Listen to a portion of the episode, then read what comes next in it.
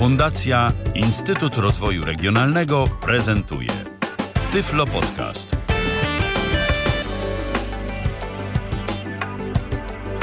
Minęła godzina 19, mamy kolejny poniedziałek, tym razem jest to 28 dzień października 2013 roku. Rozpoczynamy kolejne spotkanie z audycją Tyflo Podcast na żywo na antenie Tyflo Radia. Zarówno Tyflo Radia słuchać możecie, jak i Tyflo Podcasty pobierać z naszej strony internetowej www.tyflopodcast.net. Zachęcam, żeby słuchać, pobierać i zdobywać wiedzę, jaką z Wami się dzielimy. E, dziś wiedza raczej historyczna, bo sobie troszeczkę powspominamy różne ciekawe rzeczy, które na przełomie 10 lat e, tak, a nie inaczej się potoczyły. Przyczynkiem do tego będzie biuletyn e, z konferencji Recha for the Blind in Poland 2000 3, który znaleźliśmy, a właściwie znalazł mój redaktor redakcyjny kolega Michał Kasperczak, którego witam bardzo serdecznie na naszej antenie, na antenie Tyfloradia. Witaj Michale. Dzień dobry. Ale nie tylko my tu jesteśmy, jest także z nami nasz kolejny gość, Krzysztof Wostal. Witaj. Dobry wieczór. Dzisiejszą audycję realizuje Tomek Bilecki i to właśnie on będzie odbierał telefony od Was, jeżeli tylko jakieś będą, jeżeli będziecie chcieli coś y, powiedzieć, coś dodać do tego, o czym będziemy mówić. Y, od razu podam namiary kontaktowe do nas, tu do studia Tyflo Radia. 123 834 835 to telefon, tyflopodcast.net, pisane tyflopodcast.net to nasz radiowy Skype. Korzystajcie śmiało, dzwońcie do nas jeżeli tylko będziecie chcieli jakoś zebrać głos w naszej dzisiejszej dyskusji. Michale, jako y, ten, który ten biuletyn odgrzebał, może rozpoczniesz, może rzucisz jakieś takie światło na temat tej naszej dzisiejszej audycji, o czym my właściwie dziś będziemy rozmawiać. Gwoli ścisłości powiem, że ten biuletyn ja chciałem odgrzebać, ale niestety na stronie internetowej znalazłem Fundacji Szansa dla Niewidomych, znalazłem plik chyba uszkodzony, jakiś taki, pamiętasz, że nawet go tobie wysyłałem i też tobie się nie dało to otworzyć. To w ogóle tam tego pliku nie było, zacznijmy od tego. Znaczy nie, no on był, bo on mi się fizycznie ściągnął PDF, który był jakiś pusty chyba, ale no, plik jako taki był. To nie, nie było, że... Nie, tam w środku było komunikat o błędzie 404, czyli nie można znaleźć pliku. A nie, to ja plik ściągnąłem jakiś, tylko... E, no ja właśnie, prze... dobrze, zostawmy zostawmy, to, zostawmy. zostawmy. Także tutaj podziękowania dla pana mm, doktora Jana Omiecińskiego, który mi przysłał plik po, po tym, jak poprosiłem na liście, czy ktoś może, czy ktoś może posiada archiwalne biuletyny, no i dzięki, dzięki, no, dzięki panu Omiecińskiemu ta audycja może się odbyć. A przyczynkiem jest, tak jak mówiłeś, właśnie konferencja Recha. Konferencja Y, która wówczas trzecią konferencją, bo pierwsza była w 1999 roku pod hasłem 10 lat komputeryzacji niewidomych w Polsce, druga była w 2001 roku y, pod y, hasłem wkraczamy, może inaczej, ale mniej więcej coś w rodzaju, że w, informatyka szansą w, dla niewidomych w XXI wieku, w który właśnie wkraczaliśmy wtedy w 2001 roku. Wówczas jeszcze były konferencje, nie wiem ta druga, ale ta pierwsza była w jakimś takim gmachu Komisji Edukacji Narodowej Wtedy y, jeszcze nie byłem na tych konferencjach i po raz pierwszy pojechałem i to była trzecia konferencja w 2003 roku i dwie konferencje 2003 i 2004 się odbywały na placu bankowym, bodajże w Galerii Porczyńskim, Porczyńskich, w takiej dosyć niedużej sali w sumie. To w ogóle były inne konferencje, one nie były chyba mogę się mylić, nie jestem tego pewien, ale wydaje mi się, że one nie były tak jeszcze albo prawie wcale, albo w ogóle finansowane przez PFRON. To nie były takie masowe konferencje jak teraz, że poza sesją merytoryczną, poza jakimiś, y, poza wystawą jest jakieś tam, są jakieś takie warsztaty, gabinet dotyku dźwięku, jakieś audiodeskrypcje, y, wizaż i takie rzeczy. Nie, to była stricte sesja około komputerowa, merytoryczna, konferencja i wystawa, oczywiście to jednodniowe od 10 do 18 18. Y, to wszystko trwało wówczas jeszcze w piątek, w zimny piątek y, w październiku 10 lat y, temu. Na pewno o wiele mniejsza konferencja, mniej wystawców, było znacznie mniej polskich wystawców, ale to o tym powiemy sobie, kiedy szerzej, szerzej sobie omówimy firmy, które tam, które tam, które tam wystąpiły. Ja tutaj, Michale, wejdę ci w słowo. E, I pozwolę sobie, e, jak jesteśmy w tym miejscu, e, gdy mówimy o tych początkach konferencji Reha for the Blind wrócić do tego roku 99, kiedy, tak jak mówiłeś, na tych pierwszych konferencjach to był tylko jeden dzień, to była sesja merytoryczna, a wystawa jak gdyby to było coś, miałem takie wtedy wrażenie bardziej uzupełnienie. Na pierwszej konferencji w roku 99 w Związku Nauczycielstwa Polskiego tak, przepraszam, na salach, nie, nie komisja edukacji. Tak, merytorycznej siedzieliśmy przy stołach, e, były wygłaszane referaty, a później przeszliśmy do sali obok, gdzie było kilka tylko firm e, i oglądaliśmy sprzęt. W trakcie konferencji przez jej organizatorów zostaliśmy ugoszczeni poczęstunkiem. No i to tak wtedy się odbywało. Dla mnie to było niesamowite, że mogłem wtedy na tej pierwszej konferencji, żeby zamknąć jej temat, spotkać ludzi, którzy w jakiś sposób przyczynili się do mojego rozwoju e, tyfloinformatycznego. E, dla mnie, e, panie i panowie, e, to, to były osoby, których tylko znałem z jakiejś publikacji w pochodni, e, bilecie, bilet, z biletynu informacyjnego, czasami z jakiegoś podręcznika e, i nic poza tym. Kogo wtedy spotkałeś? Ich spotkać i te osoby też zostały docenione e, dyplomami za wdrożenie tej informatyki niewidomych w Polsce. Później był 2001, no i trzeci rok, o którym dzisiaj tutaj mówimy. Mhm. Y, I konferencja w 2003 roku, mm, y, temat, nie, jej temat to, była, mm, to, była, mm, to, były, wszyscy, to były szeroko rozumiane sprawy, sprawy związane z edukacją, z edukacją y, osób niewidomych i słabowidzących, co też wiązało się z, z tym, że wówczas zaczęły masowo upowszechniać się szkoły integracyjne i, i Dokładnie, bo może edukacja włączająca. Młodszym słuchaczom powiedzmy, tym, którzy no, nie kojarzą, albo po prostu y, tym naszym słuchaczom, którzy z jakichś tam przyczyn nie byli zainteresowani tym, jak to wyglądało wcześniej, no to w latach 90. jeszcze, nie mówiąc już o wcześniejszych, y, raczej rzadkością było, żeby osoba z niepełnosprawnością, y, na przykład z niepełnosprawnością wzroku, bo to mowa o innych również niepełnosprawnościach, ale generalnie rzadkością było, żeby osoba z taką niepełnosprawnością y, pojawiała się w szkole masowej w szkole masowej e, w miejscu zamieszkania tej osoby.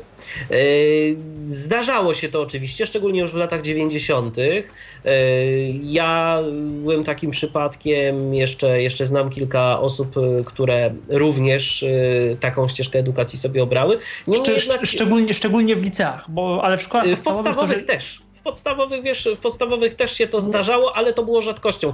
Masz rację, w liceach ogólnokształcących było to już y, częstsze y, i chyba nawet y, i chyba nawet to już wcześniej. wcześniej bo, pamię tak. bo pamiętajmy też, że ale to tak oczywiście jest temat na inną audycję, natomiast ośrodki dla niewidomych w nie we wszystkich, dopiero w latach 90. w niektórych ośrodkach te licea zaczęły być tworzone. Ośrodki, kiedyś była generalnie, to jakoś tak było, że ośrodki miały głównie szkoły szkoły albo technika, albo często szkoły zawodowe, a, a te najlepsze osoby, jeżeli chciały iść do liceum, to raczej musiały sobie ra radzić same poza, poza ośrodkiem, jakby to tak jakoś było. Te ośrodki były nastawione na kształcenie zawodowe, tak. zawodowe jednak. Tak, zawodowe tak, tak, no bo też spółdzielnia, było, a, nie, a nie liceum. Tak, bo też takie były i realia, inne czasy i tu dochodzimy pomalutku do tego, o czym była mowa te 10 lat temu, że komputery, to było podkreślane niejednokrotnie, z czym nie sposób się nie zgodzić, że komputery dają naprawdę duże możliwości,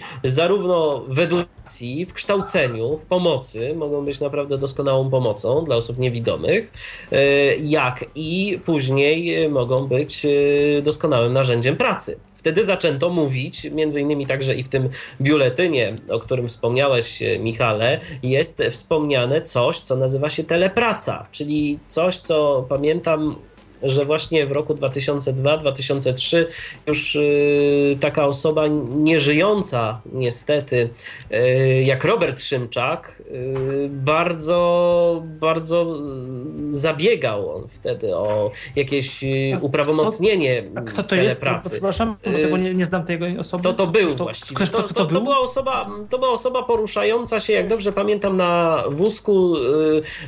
Robert miał niesprawne, on widział, ale miał niesprawne ręce, jak dobrze pamiętam, z, z komputera posługiwał się w ten sposób, że trzymał w ustach ołówek i naciskał klawisze konkretne y, tym ołówkiem i dla niego praca w domu, jakakolwiek, to była jedyna forma y, jakiegoś zatrudnienia, no bo po mm. prostu w żaden inny sposób nie mógł. On zajmował się, jak dobrze pamiętam, jakimiś tłumaczeniami, ale też miał taki serwis jak telepracapolska.pl. On tego serwisu już nie ma, no bo, bo i Roberta już nie ma, ale właśnie y, sporo, sporo, sporo działał na rzecz tej telepracy i jakiegoś tam usankcjonowania, zabiegał też o to. No i rzeczywiście coś tam, jakiś, jakiś ślad został. Nie wiem, czy to właśnie y, jego zasługą, czy, czy też nie. No obecnie mamy to, co mamy, czyli mamy firmy, y, które zatrudniają zdalnie. Dlaczego to się nazywało tele, telepraca? Aha, że taka praca przez tak. technologie tak, telekomunikacyjne. Tak, tak, tak. Dziś, dziś, tak nie mówimy w sumie już, bo to dzisiaj to jak mówimy jakieś, jakieś home office albo coś, Dokładnie. In, inna nomenklatura. Ale wtedy bardziej, właśnie, wtedy tak. przyjęło się to i to takie nawet dosyć zgrabne sformułowanie, telepraca. Mhm. Chociaż mi się bardziej to kojarzy z jakąś, z jakąś e, taką... Z telemarketingiem. Z telemarketingiem mi się bardziej to kojarzy. Nie, nie, nie, nie. nie. Przyznam szczerze. No, także także tak, to, tak to wyglądało jeszcze, jeszcze a propos tej pracy zdalnej. Yy, no tak i, i, i o tym wszystkim, o tym wszystkim na konferencji, na konferencji yy, mówiono. Zgadza się. I co? I teraz pewnie przejdziemy y, po tym wstępie do. Mm, do mm, tak, przejdźmy do. Zreferujemy referaty. Tak, czyli, czyli przejdźmy o... do konkretów, opowiedzmy o tym, co było na tej konferencji i jakie to ma odniesienie do dzisiejszych czasów. Tak chyba będzie najlepiej. Tak. Jeszcze może wspomnę, bo nim przejdziemy y, do, do, do, do, tych referatów, to jeszcze przypomnę y, o tym, y, co, bo tytułem wstępu Marek Kalbarczyk i inne osoby, ale głównie Marek Kalbarczyk wygłosił kilka takich postulatów, postulatów na, o tym, jak, jak było wtedy i postulatów na przyszłość, co mogłoby się zmienić w ogólnym dostępie do, do tyflotechnologii, tak żeby, żeby to, żeby, żeby osobom niewidomym y, z tych komputerów się lepiej mm, korzystało. No, główną bolączką, zresztą w jakiejś mierze pewnie do dzisiaj jest system dofinansowań. Y, wówczas 2003 rok to był y, rok, w którym Homer, już komputer dla Homera, Pefranowski program funkcjonował od lat czterech i o ile po pierwszym, w 99 roku, po, pierwszy, po bardzo dobrym przyjęciu i udanym, udanym starcie programu, warunki mm, otrzym, Y, otrzymania sprzętu w 2000, 2000 2001 i 2002 roku bardzo się pogorszyły, bo tam trzeba było mieć grantów, jakieś, jakieś skomplikowane kredyty. To było na zasadzie pożyczek, tak. Te, wtedy ówczesny komputer dla Homera y, to nie było dofinansowanie yy, tego, to znaczy no, po, w jakimś tam sensie było, ale mm, te, technicznie to wyglądało troszeczkę inaczej, bo to były po prostu pożyczki, które się brało i ta pożyczka była po czasie T umarzana. Yy, trzeba było oczywiście y, konkretną kwotę spłacić, y, ale po, po jakimś czasie ta pożyczka była umarzana i wtedy, wtedy po prostu no, nie spłacało się. Tak, ale z roku na rok te warunki były jakoś tam coraz, coraz, coraz gorsze, a w 2003 roku jakoś to, a w czwartym szczególnie i później, ale właśnie w trzecim po raz pierwszy y, zliberalizowano i możliwości chyba finansowe się polepszyły i, i całe jakby widełki, co się komu należy i ile tego sprzętu jakoś tam można otrzymać. Ja nie pamiętam w tej chwili szczegółów, ale wiem, że ten 2003 rok na pewno był jakimś tam rokiem przełomowym. No i oczywiście jak zawsze, jak zawsze postulowano, postulowano yy, trochę takie, trochę, mówiono o niekompetencji niektórych komisji, które te sprzęty przyznają, o tym, że się bardziej dba o to, żeby sprzętu dać jak największej ilości osób, jak największą ilość osób uszczęśliwić stosunkowo niewielkim i tanim tanim, i tanim, tanim sprzętem takiego zwykłego użytku, a, dzięki, a poprzez to osoby niewidome cierpią, bo na przykład nie otrzymują monitora brajlowskiego, który jest bardzo, bardzo drogi. No i o tym mówiono, żeby, że, że właśnie, żeby głównie jednak stawiać na osoby niewidome, a nie słabowidzące, które potrzebują tylko większy monitor, albo tak naprawdę są, mają, mają ówczesną drugą grupę inwalidzką, czyli spokojnie widzą tylko no, trochę, trochę im ten... Tylko większy monitor, ewentualnie jakieś oprogramowanie powiększające, no y, chyba, że jeszcze powiększalnik, no bo to... Ale to, to był jeszcze, też... tak, tylko to był jeszcze ten problem, y, ten problem. Pamiętajmy, że wtedy, y, teraz ogólnie komputery już są powszechne raczej w domach i nie są tak bardzo drogie. I laptopy, i w ogóle komputery. Wtedy komputer jako komputer był naprawdę drogi i sporo ludzi sporo ludzi, y, sporo, y, do ci ludzie, którzy byli mniej uczciwi albo mniej im jakoś tam zależało na, na jakości, dla, im bardziej chodziło o komputer jako komputer niż tak. o te całe peryferia. Teraz tak, tego chyba tak nie ma, ale, ale wtedy to jeszcze było, było się mówiło, że można w, ta, w ta, tani sposób mieć komputer z Teflonu albo mieć nawet komputer za darmo. Już nie mówię o jakichś tam wyłudzeniach, że ktoś brał komputer, a potem go używał ktoś inny, jakieś tam rodzin, międzyrodzinne kombinacje, no ale to, to pewnie zawsze tak gdzieś gdzieś tam, gdzieś tam było.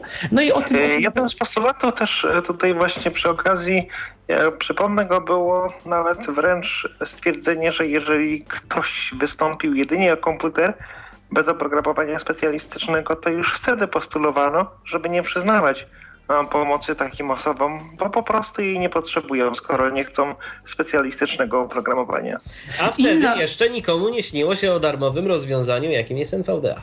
Tak, inna rzecz, że wtedy to też był jeszcze problem taki, że na przykład y, syntezatory mowy, y, no, o, wchodziły te lepsze syntezatory mowy, takie jak Speaker, później Iwona, co to, to, nie było wtedy jeszcze, ale w 2004-2005 roku. I był taki problem, że, niektóre, że niektórzy mniej kompetentni pracownicy PFRON-u czy tych komisji doradczych y, pozwalali na coś takiego, że ktoś na przykład y, albo wnioskował, albo otrzymał tylko komputer, syntezator i to miało niby wystarczyć, a nie, takie, a nie rzeczy, takie rzeczy to się działy też i później. Ja tak, pamiętam w 2008 mhm. roku, kiedy miałem taki cykl szkoleń, kiedy prowadziłem taki cykl szkoleń komputerowych na jednym e, właśnie z tych szkoleń e, przyjechałem sobie do pani, e, która no, widać, że po prostu no, ten komputer wzięła, bo się dało. Yy, I tam niespecy niespecjalnie taka była yy, wierząca w to, że ten komputer jej do czegoś się więcej może przydać, no ale jak jej się miał przydać, kiedy komputer składał się, ten zestaw składał się z programu odczytu, e, przepraszam, z systemu operacyjnego i pakietu Iwona. E, przy czym dodam jeszcze, że pani była zupełnie niewidoma, więc no, ktoś e, z urzędników wyraził zgodę na coś takiego i nie zauważył tego, że przecież ta pani nie będzie w stanie korzystać z tego programu. No, jakoś tam zainstalowałem, tam już wtedy było NVDA, bardzo słabiutko działające, ale jednak lepsze to niż nic, no i była możliwość pracy na tym komputerze na całe szczęście. Mhm. I kolejnym postulatem, który wówczas y, zgłaszano, szeroko dyskutowano, była konieczność y, zapewnienia tłumaczenia y, i dostępności polskich podręczników oraz spolszczeń do spolszczeń interfejsów oprogramowania oraz różnych urządzeń jak drukarki, notatniki jakieś tam dyktafony. I tutaj, bo wtedy to jeszcze nie było oczywiste, mam wrażenie, i chyba po tych 10 latach zgodzicie się, że jest, jest już z tym mniej więcej dobrze. Jest na pewno lepiej. Jest na pewno lepiej, bo ja pamiętam, że e, w 2003 roku, czy, czy tam rok, dwa lata wcześniej, to na przykład JAWS kiedy, kiedy Zupełnie nie było mowy o tym, żeby dostać y, jakieś tam, jakieś tam spolszczenie, bo spolszczenie zaczynało wchodzić od wersji 4, jak dobrze pamiętam, czy 4.2, tak? Wcześniejsze wersje to, to były zupełnie niespolszczone, dostawało się y, program, który działał na zasadzie angielskiego interfejsu. Ja jeszcze pamiętam wcześniej, że dostałem Hala, który też był bez y, spolszczenia, ale za to tu trzeba przyznać, no niektórzy potrafili sobie z tym radzić, bo, bo Windows od zawsze, kiedy był w Polsce, to, to, to działał dobrze, był spolszczony. I, tak, i też firma I jeszcze, i jeszcze, i jeszcze jedno, bo, bo żeby, żeby nie było, że całkowicie gdzieś tu będziemy pogrążać dystrybutorów Jawsa, JOSa, mm, czyli, czyli Altix. Oni całkiem dobrze się wywiązali z Braille'ów, o których też powiemy. Yy, Brailleite był Y, spolszczony. Y, I to spolszczenie było, y, ten interfejs był polski, całkiem fajnie, tam było kilka jakichś błędów językowych, ale, ale takich drobnych. Natomiast było to całkiem fajnie, tylko no, niestety trzeba się było trochę naczekać na polski podręcznik do, do Braille'a. Niestety tak. dopiero po jakimś czasie. Kiedy mówimy o filmach... podręcznikami jest o tyle łatwiej, że właśnie są albo w momencie już sprzedawania samego sprzętu. E, zdarza się, że jeszcze jest jakieś opóźnienie, ale gdy porównamy stan sprzed, sprzed 10 lat a chwilę obecną, no to jest, e, uwierzcie słuchacze, nieba a ziemia. Zgadza się. E, kiedy mówimy o filmach, też no, nie sposób yy, powie, nie, nie, nie, powiedzieć o filmie Harpo, w tym sensie, że Harpo zawsze dbała o, o jakość spolszczeń. To znaczy nie Windows tak, ECE, ale Harpo to, co robiłaś i Outspoken wcześniej, i program, który. Yy, no Harpo nie było na konferencji, to przy okazji wystawców o tym powiemy i yy, powiemy też o, o czymś, co wtedy wchodziło o dualu, ale Harpo zawsze dbało o i o polską syntezę, i o polski język od razu w komplecie, jak najbardziej zintegrowany we wszystkich produktach. I tak z reguły było i w Outspokenie, i w Dualu, i w Zoomtekście te, te syntezatory były różne, ale po polsku od razu były i język raczej też był najczęściej polski tak to, tak to, tak to wówczas było. No i od pewnego czasu, y, kto, kto w ogóle zajmował się y, spolszczeniem Hala? Y, kiedy on zaczął być spolszczany. Pamięta ktoś z was, czy to było Harpo, czy to był Altix? Y, ja zawsze, ja kiedyś myślałem, że to było Harpo, ale nie, to był Altix jednak i to potwierdził, bo pierwszego Hala podobno spolszczał Stanisław Jakubowski w ogóle. Aha, no bo rzeczywiście, bo ten Hal już później też, kiedy się, kiedy się pojawił w jakichś tam kolejnych swoich wersjach, już on też był dosyć, dosyć fajnie spolszczony. To, to tak naprawdę y, od razu polska, od razu polska wersja, instalowało się polską tak. wersję, Później no, Hal, Hal potem był przez Dolfina, e, tam się wysuwało spolszczenie do Dolfina, a nie tak jak z JOSem u nas się to robiło. No i wtedy jeszcze, bo wtedy jeszcze ta tyfloinformatyka i choć oczywiście była już znana, bo przecież i całe środowisko warszawskie, CNIN i w ogóle inne miasta, y, sporo studentów jednak y, gdzieś tam już było i, i w ogóle ludzi z wykształceniem wyższym, które te komputery mm, otrzymywały od 99 roku udźwiękowione, ale jeszcze, przepraszam bardzo, y, wówczas mam wrażenie, to nie było tak bardzo masowe, jak powiedzmy już w 2008 czy, czy teraz. Jakby te, te, te, te, te, te, te ilość osób, które w danym roku mogły otrzymać takie dofinansowanie, a tym samym y, to się przekładało na to, ile zostało kupionych takich JOSów, Windowsów czy czegoś podobnego, tych osób y, na dany rok było znacznie mniej niż później. Być może właśnie wynikało to ze względów na warunki e, niegdysiejszych e, programów komputer dla Homera, a e, później na zliberalizowanie tego i na w ogóle zmianę formy dofinansowania. I większe pieniądze jednak tak, od państwa, tak, które, tak, które tak. popłynęły. Także tak to, tak to było. I teraz może przejdziemy do, do referatów. Po, to może jeszcze tak, znowu tak, przerwę, proszę. przepraszam. Znowu sobie przypomnę tak, tak tamte czasy. Jeden z takich postulatów, który, który wtedy poruszono, ale to też między innymi dlatego, że konferencja Recha w roku 2003 była pod patronatem pani Krystyny Łybackiej, która była ówczesnym ministrem edukacji i stąd te ciągotki edukacyjne e, w tej właśnie konferencji. Jednym z pos takich postulatów było to, aby e, wyposażyć szkoły masowe, szkoły integracyjne i ośrodki również w sprzęt, który by wspierał osoby niewidome i niewidzące w zdobywaniu wiedzy. I to, to się po latach udało. silnych postulatów poruszonych wtedy. I to się po latach udało. i to się po latach udało. Wiadomo, że potrzeby są zawsze, wiadomo, że zawsze chciałoby się, żeby było lepiej, ale w tej chwili ośrodki specjalistyczne są coraz lepiej wyposażone. Szkoły masowe wygląda to różnie, integracyjne wygląda to różnie, ale, ale mogą być wyposażone. Ma... Jest, jest, są takie możliwości już, czy są były, takie możliwości, żeby się dokładnie. wyposażyć. O.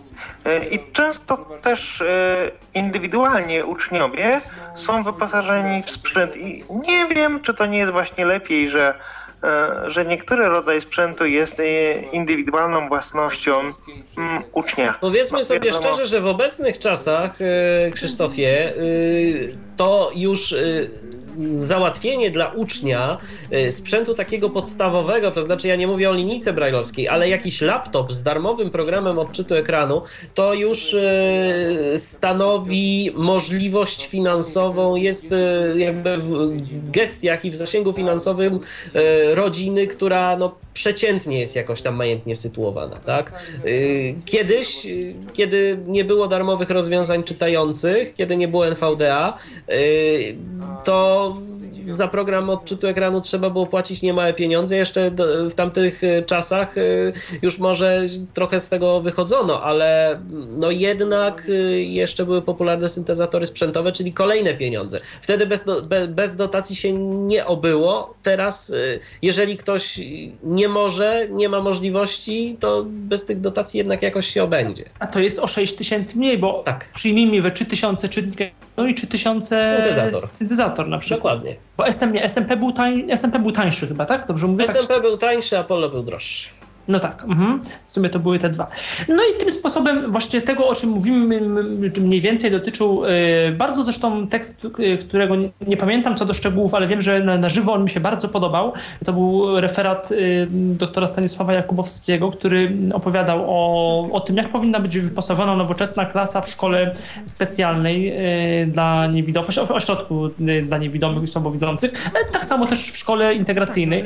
Chodziło o to, o to o czym mówimy, o, o właściwie w całych naszych, y, we wszystkich naszych rozmowach y, na łamach Tyflo Radia, Tyflo Podcastu, że y, chodziło o to, jakie znaczenie dla osoby niewidomej ma komputer, syntezator mowy, screen reader, drukarka brajlowska, powiększalnik, monitor brajlowski i, inne, i inne pomoce. I jak bardzo to z jednej strony jest konieczne do, do sprawnego, normalnego przeprowadzania, przeprowadzania zajęć, po prostu tych y, inf, inf, zajęć z informatyki przewidzianych w programie nauczania, a, a jak w ogóle to jest y, przydatne i pomocne y, w funkcjonowaniu osoby niewidomej, w, w tym, że dzięki komputerowi może napisać wypracowanie, że może się z nauczycielem komunikować, że może jakiś list napisać, coś znaleźć w internecie. I to był taki pierwszy bardzo, bardzo taki ogólny, ogólny, aczkolwiek wartościowy referat.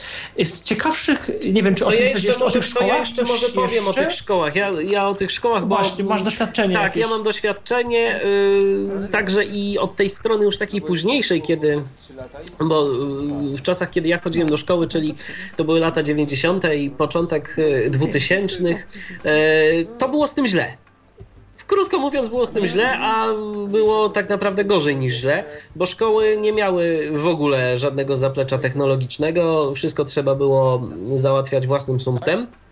E, natomiast później, z tego co już się dowiedziałem, to rzeczywiście, i teraz e, Krzysztofie, ty pamiętasz, w którym to roku było? To był 2008, tak? Taki, e, taka akcja dofinansowana. Szósty. Szósty czy ósmy? Szósty. W 2006, tak? Mówimy o przeta słynnym przetargu tak. i tym, jak szkoły otrzymały ogromne ilości sprzętu wszelkiego rodzaju, tak? Zgadza się. I jak Fundacja Szansa organizowała y, ogromne szkolenia. Y, o tym mówimy? O tym mówimy. To jest tak. 2006 rok. Tak. 2006. O tym mówimy. Y, I wtedy y, rzeczywiście pojawiło się naprawdę mnóstwo sprzętu w szkołach. Można było sobie zorganizować y, no, kon konkretny zestaw technologiczny, czyli programy odczytu ekranu, notatniki, jakieś tam programy OCR, drukarki brajlowskie. No, nie, Powiększalniki tak, również. Tak, tak, tak. Nie znam szczegółów i nie wiem, jak to tam wyglądało od tej strony formalnej, co tam należało zrobić, żeby mm, coś takiego pozyskać. Niemniej jednak możliwe to było. Y, sprzęt pojawiał się w szkołach, tylko mm, problem był w tym, że y, tu już jak rozmawialiśmy y, przed audycją, to Krzysztofia zahaczę ciebie o to, bo ty wspomniałeś, że szkolenia były, ale tych szkoleń było mało, prawda? Ty z praktyki może coś więcej opowiesz y, o tym, jak takie szkolenia wyglądały, kadry pedagogicznej w takiej szkole. Z jednej strony szkolenia były, mogłoby się wydawać, że dużo godzin. Ja w tej chwili nie pamiętam sumy, ilości konkretnie, a z drugiej strony to było mało, bo tak jak mm, uczymy nauczyciela, który nie miał nigdy styczności z niewidomym o sprzęcie, to on trafia tak jak e, no trafia na, na coś, co w ogóle nie znał, więc on powinien na początku uczyć się jakiegoś funkcjonowania osób niewidomych, powinien uczyć się o komunikowaniu się z osobą z dysfunkcją wzroku, a on, nauczyciel, e, do ręki sprzęt, e, który można było mu powiedzieć, że on powiększa, że coś no, można napisać w brajlu, że można coś e, napisać, że to coś zagada, e, ale jak gdyby nie miał mm, tej podstawy, do czego to jest, e, w jaki sposób osoba niewidoma świat odbiera i w jaki sposób odbiera e, z tego sprzętu informacje. E, Brakowało tego, tego tego ogniwa, które by łączyło wiedzę pedagogiczną z wiedzą e, tą taką z zakresu właśnie użytkowania tego sprzętu, a także z wiedzą stricte o osobach niewidomych i tego, i tego bardzo brakowało. E, Szkolenia były na różnym poziomie, to zależało dużo e, od prowadzącego, ale też bardzo dużo zależało od mm, chęci poznania problematyki przez kadrę pedagogiczną, która była szkolona. E, Zdarzało się, że miałem takie przypadki, że nauczyciele chcieli więcej, więcej, więc, więc dawało się im więcej, więcej, bo to sprawiało radość. No, a bywało tak, że to było po prostu w cudzysłowie na odwal, bo nie umiem w tej chwili słowa innego znaleźć. E, I także tak to wyglądało. Bo powiedzmy jeszcze jedną rzecz, zazwyczaj nauczyciele informatyki, ja nie wiem jak wygląda to teraz, ale y, podejrzewam, że jest niewiele lepiej. Nauczyciele informatyki to nie są informatycy. To nie są ludzie po, po, po studiach informatycznych. Y, Kiedy informatyka wchodziła do, do szkół, to byli zwykle nauczyciele, którzy się komputerami interesowali, ewentualnie jeszcze albo zrobili, albo nie zrobili jakiś tam dodatkowy kurs żeby móc uczyć tej informatyki. Y, Kiedyś przecież tak samo było z językiem angielskim. Przez pewien okres czasu nie trzeba było mieć y, jakichś tam nawet y, papierów y, pedagogicznych, żeby języka angielskiego uczyć, bo było takie zapotrzebowanie i z informatyką było tak samo, że się na przykład, nie wiem, nauczyciel techniki przekwalifikowywał na nauczyciela informatyki czy, czy, czy, czy nauczyciel biologii y, przekwalifikowywał się na nauczyciela informatyki, bo się po prostu komputerami interesował. I to tak, y, i to tak wygląda. Y, Więc y, no, fakt faktem, że nawet i ludzie, którzy są po studiach informatycznych, nie znają tych technologii, no bo skąd mają znać? A tu pojawia się coś zupełnie nowego i z czym trzeba naprawdę zupełnie inaczej wejść w interakcję niż y, standardowo y, z komputerem za pomocą myszki. Ja podam może taki przykład jeszcze, mm, który ostatnio, bo wydawałoby się, że no, to już jest wiele lat później, y, ludzie mają większą świadomość, ale, ale nadal wygląda to niezbyt ciekawie. Ostatnio zadzwonił do mnie pewien pan, który y, skarżył się na to, że program odczytu ekranu NVDA za dużo mu czyta, bo on jest nauczycielem w szkole i tu y, dla ucznia przygotowuje stanowisko komputerowe. I ten pan się właśnie skarżył, że NVDA za dużo czyta że on nie wie, jak z tego programu korzystać. Ja mówię, dobrze, to, to, to ja panu wytłumaczę, postaram się coś tu pomóc. A w jaki sposób, e, to znaczy w jakich sytuacjach czyta pan za dużo ten program? No wie pan, no jak myszką po ekranie ruszam, no to on mi tu za dużo czyta. Nie czyta to tego, co ja bym chciał, żeby czytał. No to zaczęła się cała historia i wyjaśnianie, w jaki sposób osoba niewidoma korzysta z komputera. właśnie, ale to ten pan myślał co, że osoba niewidoma będzie myszką tak, Tak, sobie tak, pan- ten Aha, że będzie myszką delikatnie myślał, że że będzie myszką ruszać i że program odczytu ekranu to działa na tej zasadzie, że po prostu jak niewidomy gdzieś tam sobie myszką jeździ po ekranie, no to on w ten sposób korzysta z komputera. No, można się tam uśmiechnąć yy, słysząc taką filozofię, ale z drugiej strony bardziej, że NVD, NV, NVDA akurat jeszcze jak tą myszką się jeździ, to on tam w miarę poprawnie jeszcze czyta w porównaniu z innymi programami. Tam coś tam da się chyba zrobić. Natomiast, natomiast yy, no rzeczywiście tak osoba niewidoma nie, nie pracuje. Nie pracuje, tak, tak, tak.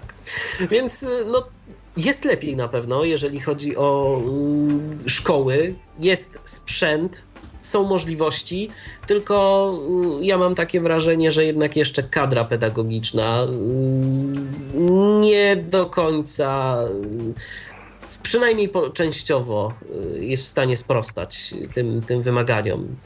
Szczególnie mówię tu o szkołach, w których pierwsze albo drugie dziecko pojawia się gdzieś tam z problemami z wzrokiem, bo podejrzewam, że y, tu może być, tu może być problem. Jeżeli są chęci ze strony nauczycieli, to oczywiście będzie coś zrobione i będzie to dziecko w stanie się edukować prawidłowo. Nauczyciele się będą uczyć i, i niewidomy uczeń się będzie uczyć również tej obsługi komputera. Natomiast no, tu trzeba poświęcić trochę czasu. Dotknąłeś bardzo ważnego problemu e, i myślę, że my tylko dotykamy wierzchołka góry lodowej, ale można by było pokusić się o taki program. E, bo to jest tak, kiedy dziecko edukuje się w szkole podstawowej mm, inaczej, a w szkole gimnazjalnej inaczej, w liceum inaczej. I, e, I z własnych obserwacji i rozmów z nauczycielami mm, widzimy, że trzeba rozdzielić szkoły integracyjne, szkoły masowe i szkoły specjalistyczne na jakby trzy takie e, filary. I w, każdej, w każdym typie tych szkół dziecko z dysfunkcją wzroku inaczej funkcjonuje. Niestety chyba najgorzej w szkole integracyjnej, dlatego że tam trafia i jest jedno, powiedzmy, z pięciu niepełnosprawnych w klasie, gdzie tych niepełnosprawności właśnie jest pięć. Tak. Najlepiej się ma w szkole masowej, gdzie jednak jest jeden z 30 zdrowych. No i kiedy to jest liceum, to często już uczeń ma jakąś świadomość i sam potrafi nauczycielowi podpowiedzieć rozwiązania. Natomiast e, w przypadku szkoły no, podstawowej trudno, żeby uczeń, który no, nie ma wiedzy, uczył nauczyciela. E, tutaj najlepiej. To też wszystko zależy, no bo, bo często ja jednak. tylko, dobrze? Przepraszam, przepraszam. Je, jeżeli chodzi o szkołę podstawową, no to jednak ośrodek specjalistyczny, gdzie nauczyciele są przygotowani no najlepiej potrafią mm, ci nauczyciele po prostu nauczyć dziecko, nie wiem, 7, 8, 9, 15, 12-letnie do pracy z komputerem bez użycia, e, bez użycia wzroku. Ale to jest dużo szerszy problem i my go dzisiaj nie rozwiążemy i nigdy go nie rozwiążemy, bo każde dziecko jednak jest inne, pochodzi z innego środowiska inaczej się uczy, inne ma zdolności. Tylko dotykamy tego problemu. Dokładnie, bo ja wiem, ja wiem po sobie, ja korzystając z komputera yy, nie mogłem liczyć absolutnie no, na, na żadną pomoc, bo to, co tam gdzieś były, jakieś yy, powiedzmy, pamiętam zajęcia z informatyki dodatkowe w szkole podstawowej, na komputerze w domu. E, no, było kilka tych zajęć. E, powiedzmy, że jakieś tam niewielkie, niewielkie korzyści z tego odniosłem, ale, ale tak naprawdę byłem zdany tylko i wyłącznie na siebie e, i na to, co ja będę chciał odkrywać. I akurat dobrze się stało, że mnie po prostu ten komputer interesował. Ale w innym przypadku to podejrzewam, że to byłby kolejny mebel, który gdzieś tam by się kurzył i, i, i służył do tego, żeby ładnie wyglądać. I do niczego więcej. Dobrze, to tak a propos edukacji. To teraz może przejdźmy dalej do, do, kolejnych, do kolejnych referatów, Michale. Co tam jeszcze? Coś, coś jest z edukacją też trochę wiąże, bo z bibliotek można też y, pobierać podręczniki, ale mnie o podręcznikach tylko. Y, wówczas y, w 2003 roku, nieco wcześniej, przed Recha, chyba, chyba wiosną jakoś 2003, y, wystartowała y, internetowa, multimedialna biblioteka mm, w Laskach. Ona może się troszkę nazywała inaczej, y, ale, ale o, o to chodziło, że był to serwis który internetowy, który rzeczywiście był obsługiwany przez ośrodek, przez ośrodek w Laskach i była to multimedialna biblioteka, specjalny system informatyczny stworzony przez Piotra Brzozę z Politechniki y, i jego zespół z Politechniki Śląskiej w Gliwicach. Y, I to był system www, dzięki mu w zamierzeniach to miała być biblioteka. Mieliście, mieliście tam zapisywać czytelnicy. Ci, którzy nie mieli internetu, mogli otrzymać coś na płycie CD. Można było digitalizować, skanować, wprowadzać różne książki do tego mm, systemu, zarówno pobierać potem książki elektroniczne, jak i materiały multimedialne w formacie, mm, nie wiem, audio, czyli pewnie jakieś MP3 albo, albo, albo nie wiem, może nawet obrazy płyt, e, CD, jakieś filmy no, materiały wszelkiego, wszelkiego rodzaju. Y, mówiono o tym dużo. Było to bardzo hucznie, y, bardzo hucznie mm, obchodzono otwarcie y, tego tej biblioteki. To tak przedtem przecież była też tak coś jak Polska Biblioteka Internetowa. To, to nie dotyczyło niewidomych, ale niewidomi mieli sporo nadziei, że będą z tego mogli korzystać. Okazało się, że no, te nadzieje nie spełzły właściwie na niczym, bo pliki były po prostu tu, raz, że było ich bardzo mało, dwa, że one były niedostępne. Niestety z tą biblioteką multimedialną w Laskach było trochę podobnie. Nie wiem, czy wy tam zakładaliście konto? Korzystaliście? Ja osobiście nie. Ja a też dla, nie. A dlaczego? Nie pamiętam, ale wydaje mi się, że. Ale, ale chodzi o to, że oferta. Dlatego, że nie chciało mi się po prostu tych formalności przechodzić. I my, I my chyba dokładnie tak samo. To nie jest zawód, bo no, każda instytucja niestety te formalności, no ma te dokumenty i tak dalej, ale to był jakiś. Ja pamiętam, że miałem tam jakiś problem. Raz, że jakiś problem z formalnościami, nie pamiętam jakiego rodzaju, a dwa, że była Y, kiepska oferta tej biblioteki, znaczy kiepska tam. Ja miałem wrażenie, że to ciągle jest w stadium takiego powstawania, że półki są, mówiąc obrazowo, półki, wirtualne oczywiście półki, są bardziej puste niż pełne. Że tam nie, nie znalazłem nic dla siebie, co, bym, y, co by mnie tak jakoś ujęło i zachęciło do, y, i zmobilizowało do zapisania się do biblioteki, żebym mógł z niej coś otrzymać. Tym bardziej, że wtedy już funkcjonowało jedno takie oficjalne repozytorium, które było y, na ówczesne czasy w treści naprawdę bogate. Ja mówię tu o mm, intranecie tak zwanym y, CNIN-u, czyli y, Centrum Komputerowego dla Niewidomych i Niedowidzących Uniwersytetu Warszawskiego.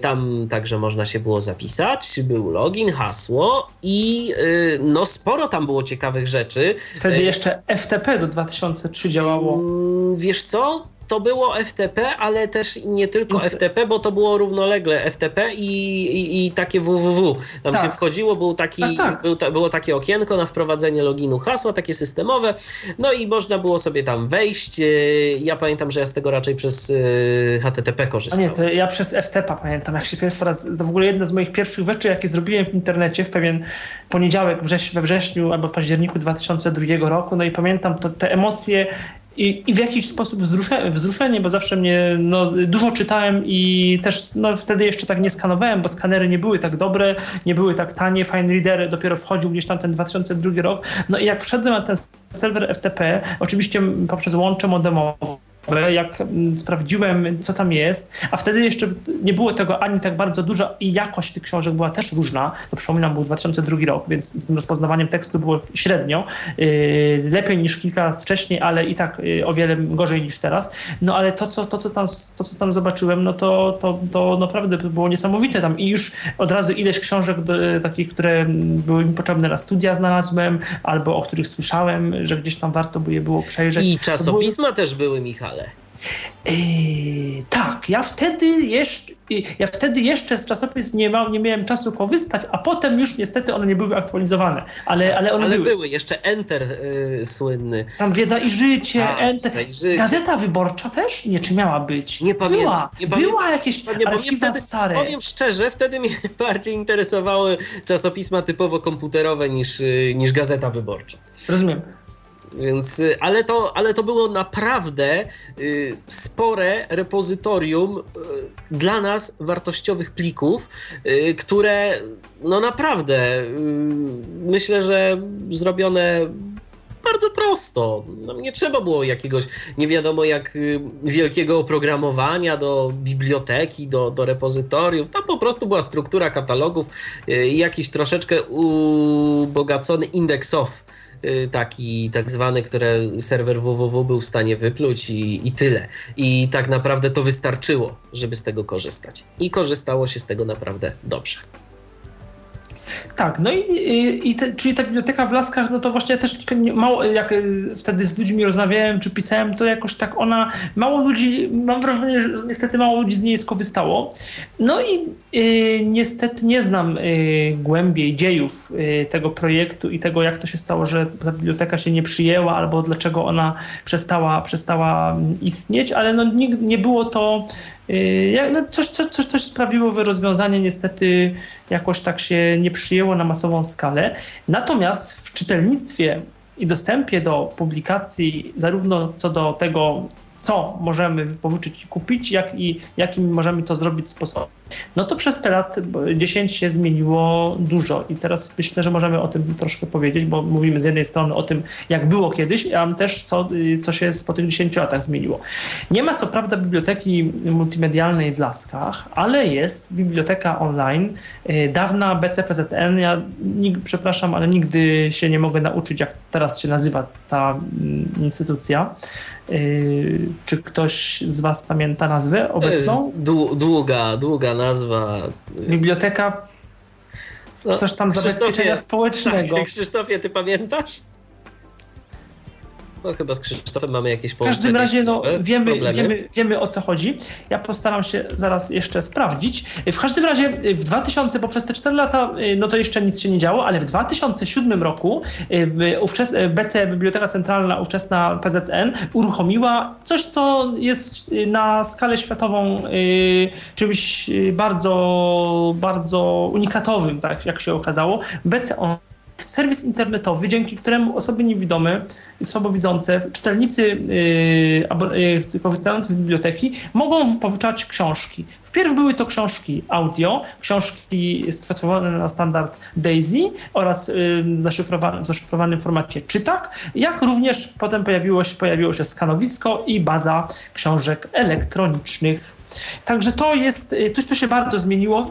I jeszcze trzecim ogniwem jest to, że możemy książki po prostu kupować, bo się pojawiła od 2012 taka, w Polsce się mówi o rewolucji w e-czytelnictwie, powstały e-księgarnie, księgarnie internetowe rozmaite i, i po prostu możemy książki kupować, które są dostępne w formacie EPUB i, i w formacie MOBI, które możemy albo w komputerze, albo na urządzeniach mobilnych po prostu czytać. To się wszystko ja... zgadza. Ja jeszcze tutaj jestem, wróciłem, na chwilę mnie nie było. Technika zawiodła. Ja chcę zwrócić tak, na taką rzecz poboczną uwagę, ale jeszcze w 2003 roku mówiliśmy, że są książki umówione. Już nie mówimy w tej chwili, że są książki mówione, tylko mówimy albo, albo książki, albo audiobooki, ale już nie ma książek mówionych.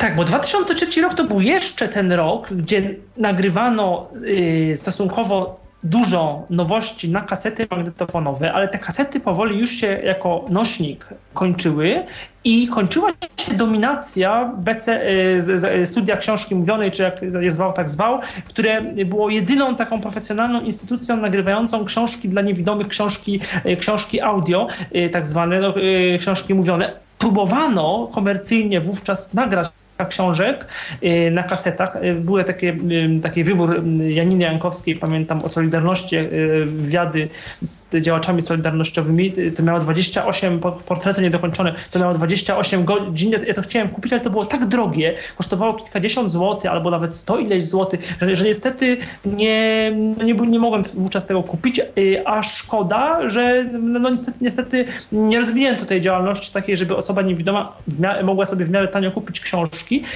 Za to Pierwszą taką książką mm, to już był czas, kiedy był y, na płytach iluś tam dostępny, y, komercyjnie jak najbardziej, na płytach CD jeszcze, y, Harry Potter w, wykonaniu, w interpretacji Piotra Frączewskiego przez Media Rodzinę wydane. To było coś takiego pierwszego, co było, co było takim prekursorem audiobooków takich komercyjnie dostępnych w Polsce. No a w tym 2003, jak, jak mówimy, jeszcze do, ogólnie rzecz biorąc była ta dominacja, dominacja PZN-u y, w oferowaniu, w oferowaniu książki nagranej na kasety y, osobom niewidomym. Wiecie, audiobooki to rozpowszechniły się przede wszystkim dlatego, że pojawiły się urządzenia, dzięki którym te książki, także i osoby widzące mogą odtwarzać. Mówię tu o różnego rodzaju odtwarzaczach MP3, czy chociażby o telefonach komórkowych, które zaczęły zyskiwać na pojemności i w tym momencie to nie jest jakiś żaden problem, jeżeli ktoś lubi taką formę, a wiem, że i osoby widzące lubią, bo w końcu serwisy typu audioteka.pl, ich sukces nie wziął się z niczego, ktoś to musi kupować, a ja nie wierzę, że kupują sami niewidomi mm, tam książki, yy, no to po prostu właśnie z tego powodu zmieniło się to. Tak, bo... Ten sukces y, także i komercyjny mają te audioksiążki. Tak, no bo 2004 rok, to, to troszkę teraz poz, yy, pozwolicie, że wybiegnę w, na chwilkę w przyszłość, ale to się to mocno, mocno się wiąże z tym, o czym, o, o czym jednak mówimy tutaj. Yy, w 2004 roku przez yy, polskie środowisko, takie zainteresowane technologiami, środowisko osób niewidomych, słabowidzących, y, wiosną przy okazji mm, startu kolejnej edycji komputera dla Homera i pisania przez ludzi wniosków i kampanii i y, łowienia klientów prowadzonej przez rozmaite firmy tyflo-informatyczne, no, przetoczyła się ogromna dyskusja nad y, sposobem dostępu y, przez osoby niewidome do książek właśnie tych y, y audio, które zaczęto wtedy mówić o tej digitalizacji książek, książek nagranych na kasety, no i była, był wielki spór, wielki dylemat czy y, Daisy, albo coś szyfrowanego, albo to i to. Wtedy pojawiło się urządzenie czytak. Y, urządzenie, które no nie miało. Teraz ja myślę, że ten jakoś to ucichło, bo ci, którzy mieli tego czytaka, to już, mie, to już mają. Czytak sam w sobie też się poprawił, rozwinął, ale wtedy to było urządzenie bardzo źle y, przyjęte. Może Z nie perspektywy tyle samo... czasu jak myślicie? Ta krytyka czytaka była słuszna, czy nie? Krzysztofie, jak ci się wydaje? Hmm, to znaczy tak, ja y, uważam, że sama idea czytaka jako urządzenia do czytania książek, szczególnie dla osób starszych z problemami manualnymi, była jak najbardziej słuszna i do dzisiaj uważam, że, że jak najbardziej słuszna. E, natomiast to, co mówisz, czy z perspektywy czasu znaczy wtedy królowały takie obawy, że czy tak się, czy, czy tak mm, przez to, że jest systemem zamkniętym, zmusi wszystkich do zakupu tego urządzenia. Dwa, były takie obawy, że Daisy w ogóle nie wejdzie, no bo będzie się nagrywać i, książki tylko w formacie e, ASH, czyli formacie czytakowym. Była też obawa taka, że te książki, które mm, są nagrywane, y, będą w jakiś sposób dostępne tylko przez te urządzenia i to się nie zmieniło. One nie są dostępne poprzez oprogramowanie komputerowe. A nowa praca niewidomych zrobiła bardzo dużo, żeby tego czytaka mogli kupić wszyscy. On był wciskany, Pefron się tak ujął, były, y, y, były bardzo liberalne warunki. Czytaka mogli otrzymać w pewnym momencie, na początku. Wszyscy w ogóle dzięki, dzięki y, wszyscy bez względu na wiek, na, na zatrudnienie, to w ogóle on, był jakby wyjęty prawie, że w pewnym, w którymś Homerze, on był wyjęty z tych ogólnych zasad. Co z jednej strony można to, to, to miało jakiś tam plus, bo dzięki temu w ogóle jakoś tam ruszyła, może nie ta digitalizacja, bo to robiła biblioteka osobno, ale jakby ruszył, ruszył, ruszył, ruszył ten popyt w ogóle y, na, na taką książkę, na, na czymś innym niż na kasetach, więc to z jednej strony było gdzieś tam, gdzieś tam, mm, gdzieś tam pewnie, no można to jakoś tam zrozumieć, no też można zrozumieć to, że y, ten format zamknięty, no wtedy się mówiło o tym, o tym Daisy, że, że to jest takie lepsze, bo to format otwarty, na, wtedy jeszcze nie było tych Wiktorów, Plexstoków, ale były stacjonarne te duże właśnie Plexstoki i, i w Polsce nie do końca dostępne i no wówczas bardzo, co niektórzy mm, niewidomi bardzo to promowali. No ale niestety w Polsce się ten czytak jakoś tam przyjął, choć ja mam wrażenie, że on nie przyjął się tak, y, jak można by sądzić. To znaczy te obawy, że to tylko będzie czytak, że on zdominuje y, rynek, y, rynek książki dla niewidomych, książki nagranej, no się nie sprawdziły jednak. Tylko wiecie co, tak z perspektywy biblioteka czasu... Dużo, biblioteka dużo zrobiła jednak, co by nie mówić, żeby to Daisy, jakkolwiek, jakie ono jest, jak, jaka jest jego jakość, to, to, to jednak biblioteka wywalczyła, żeby wie, to, co mogli, większość w tym Daisy zrobiła książek przez kilka lat, od 2005 do 2010-11. Ale czy to teraz, słuchajcie, tak nie jest trochę w ten sposób, że generalnie już w ogóle to, co Krzysztof powiedział, to można interpretować tak y, jako taką trochę metaforę, że się kończą książki mówione, ale i rzeczywiście teraz już typowo dla niewidomych nagrywa się coś Nagrywa się tak, nagry oczywiście, że się nagrywa, ale nagrywa się tego znacznie mniej, bo no przecież studio, dobrze, ty Michał wiesz, studio książki mówionej, ono przestało istnieć, czy ja coś mylę? Zdaje się, że tak. Zdaje się, że przestało, czyli Polski tak. Związek widomych jako taki się wycofał.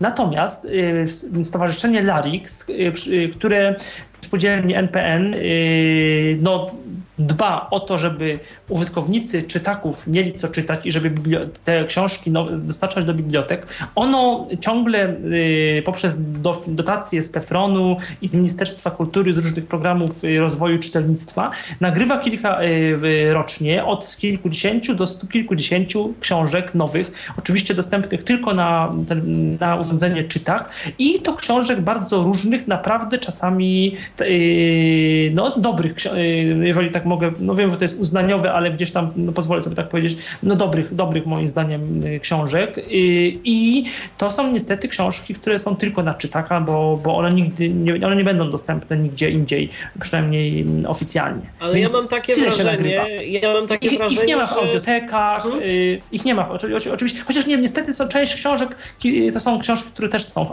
audiotece, więc to jest głupota, że, że, że nagrywają coś, co już gdzieś tam jest dostępne y, komercyjnie, to mogliby coś innego nagrać w to miejsce. Ale ja mam takie wrażenie, że z tego się będzie wychodzić. Może nie za y, 5 lat, y, chociaż może. Nie, to jest nośne. To jest bardzo nośne, że osoby niewidome potrzebują nowości. Trzeba je nagrać w zaszyfrowanym formacie, y, żeby to było tylko dla osób niewidomych. To, to jednak kosztuje, dobry lektor, y, umowy wydawnicze. Nie, ja myślę, że z tego akurat to jest takie nośne i że w narodowym y, rozwoju czytelnictwa na to się pieniądze Michale, znajdą.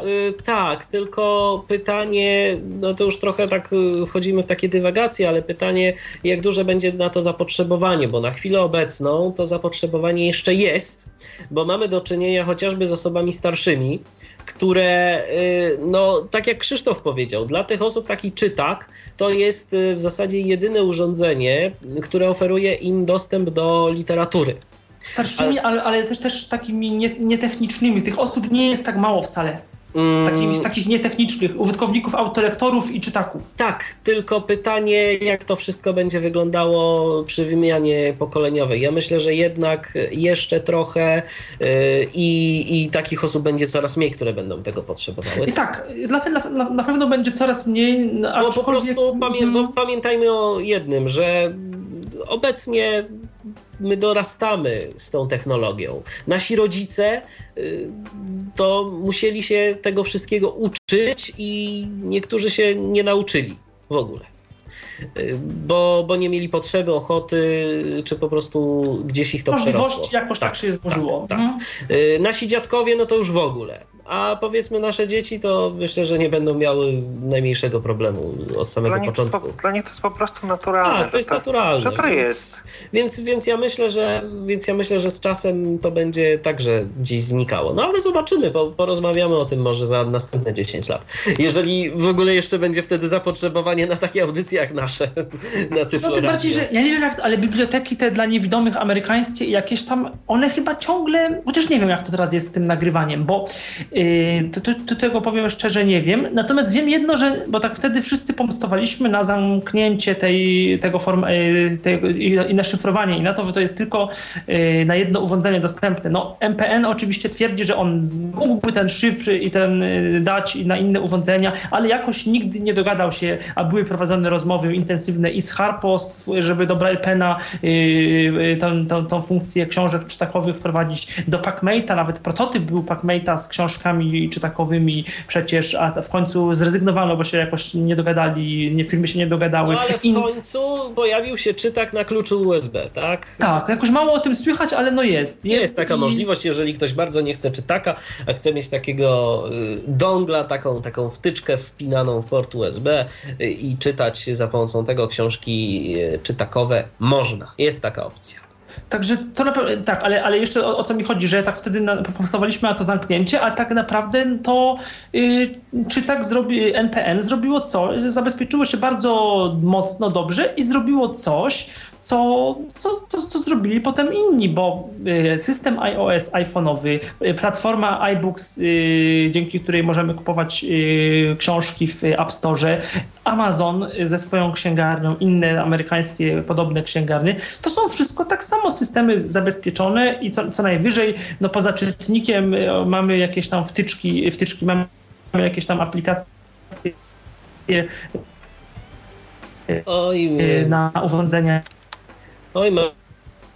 urządzenia mobilne, techniczne. dzięki O, już, którym już, już wróciłeś, Michale. Halo? No niestety w tym momencie problem. O, już, już, całe szczęście. Słyszymy się, Michale? Ja, ja słyszę cały czas. y, O, bardzo- straszna nam się jakoś w tym momencie zrobiła. Zatem proponuję teraz odrobinę muzyki i do tematu wrócimy za moment. E, Jeszcze namiary kontaktowe mm, podam. 123 834 835 to telefon tyflopodcast.net, pisane tyflopodcast.net to nasz Skype. E, Z Michałem Kasperczakiem i Krzysztofem Wostalem dziś rozmawiamy na temat tego, co się w tyfloinformatyce zmienia. Taki sobie zakres roboczy przyjęliśmy około 10 lat y, na te zmiany. I do tego tematu wrócimy już za moment. Wracamy do naszej dzisiejszej rozmowy o zmianach y, w tyfloinformatyce i pochodnych y, tyfloinformatyki w ciągu ostatnich 10 lat. Gośćmi dzisiejszymi Tyfloradia są Michał Kasperczak i Krzysztof Wostal. 123 834 835 to telefon, tyflopodcast.net to Skype, można dzwonić, jeżeli ktoś z Was ma coś do powiedzenia właśnie w tym temacie. E, powiedzieliśmy już o książkach. E, czy Michale jeszcze chciałbyś coś dodać a propos książek? Bo myślę, że myślę, że Nie, myśl, nie, nie, nie, tam, nie, nie. Możemy pójść nie. dalej. Możemy pójść dalej. Yy, Następny ciekawy referat, tutaj to taki temat yy, chyba bardziej Michał dla ciebie.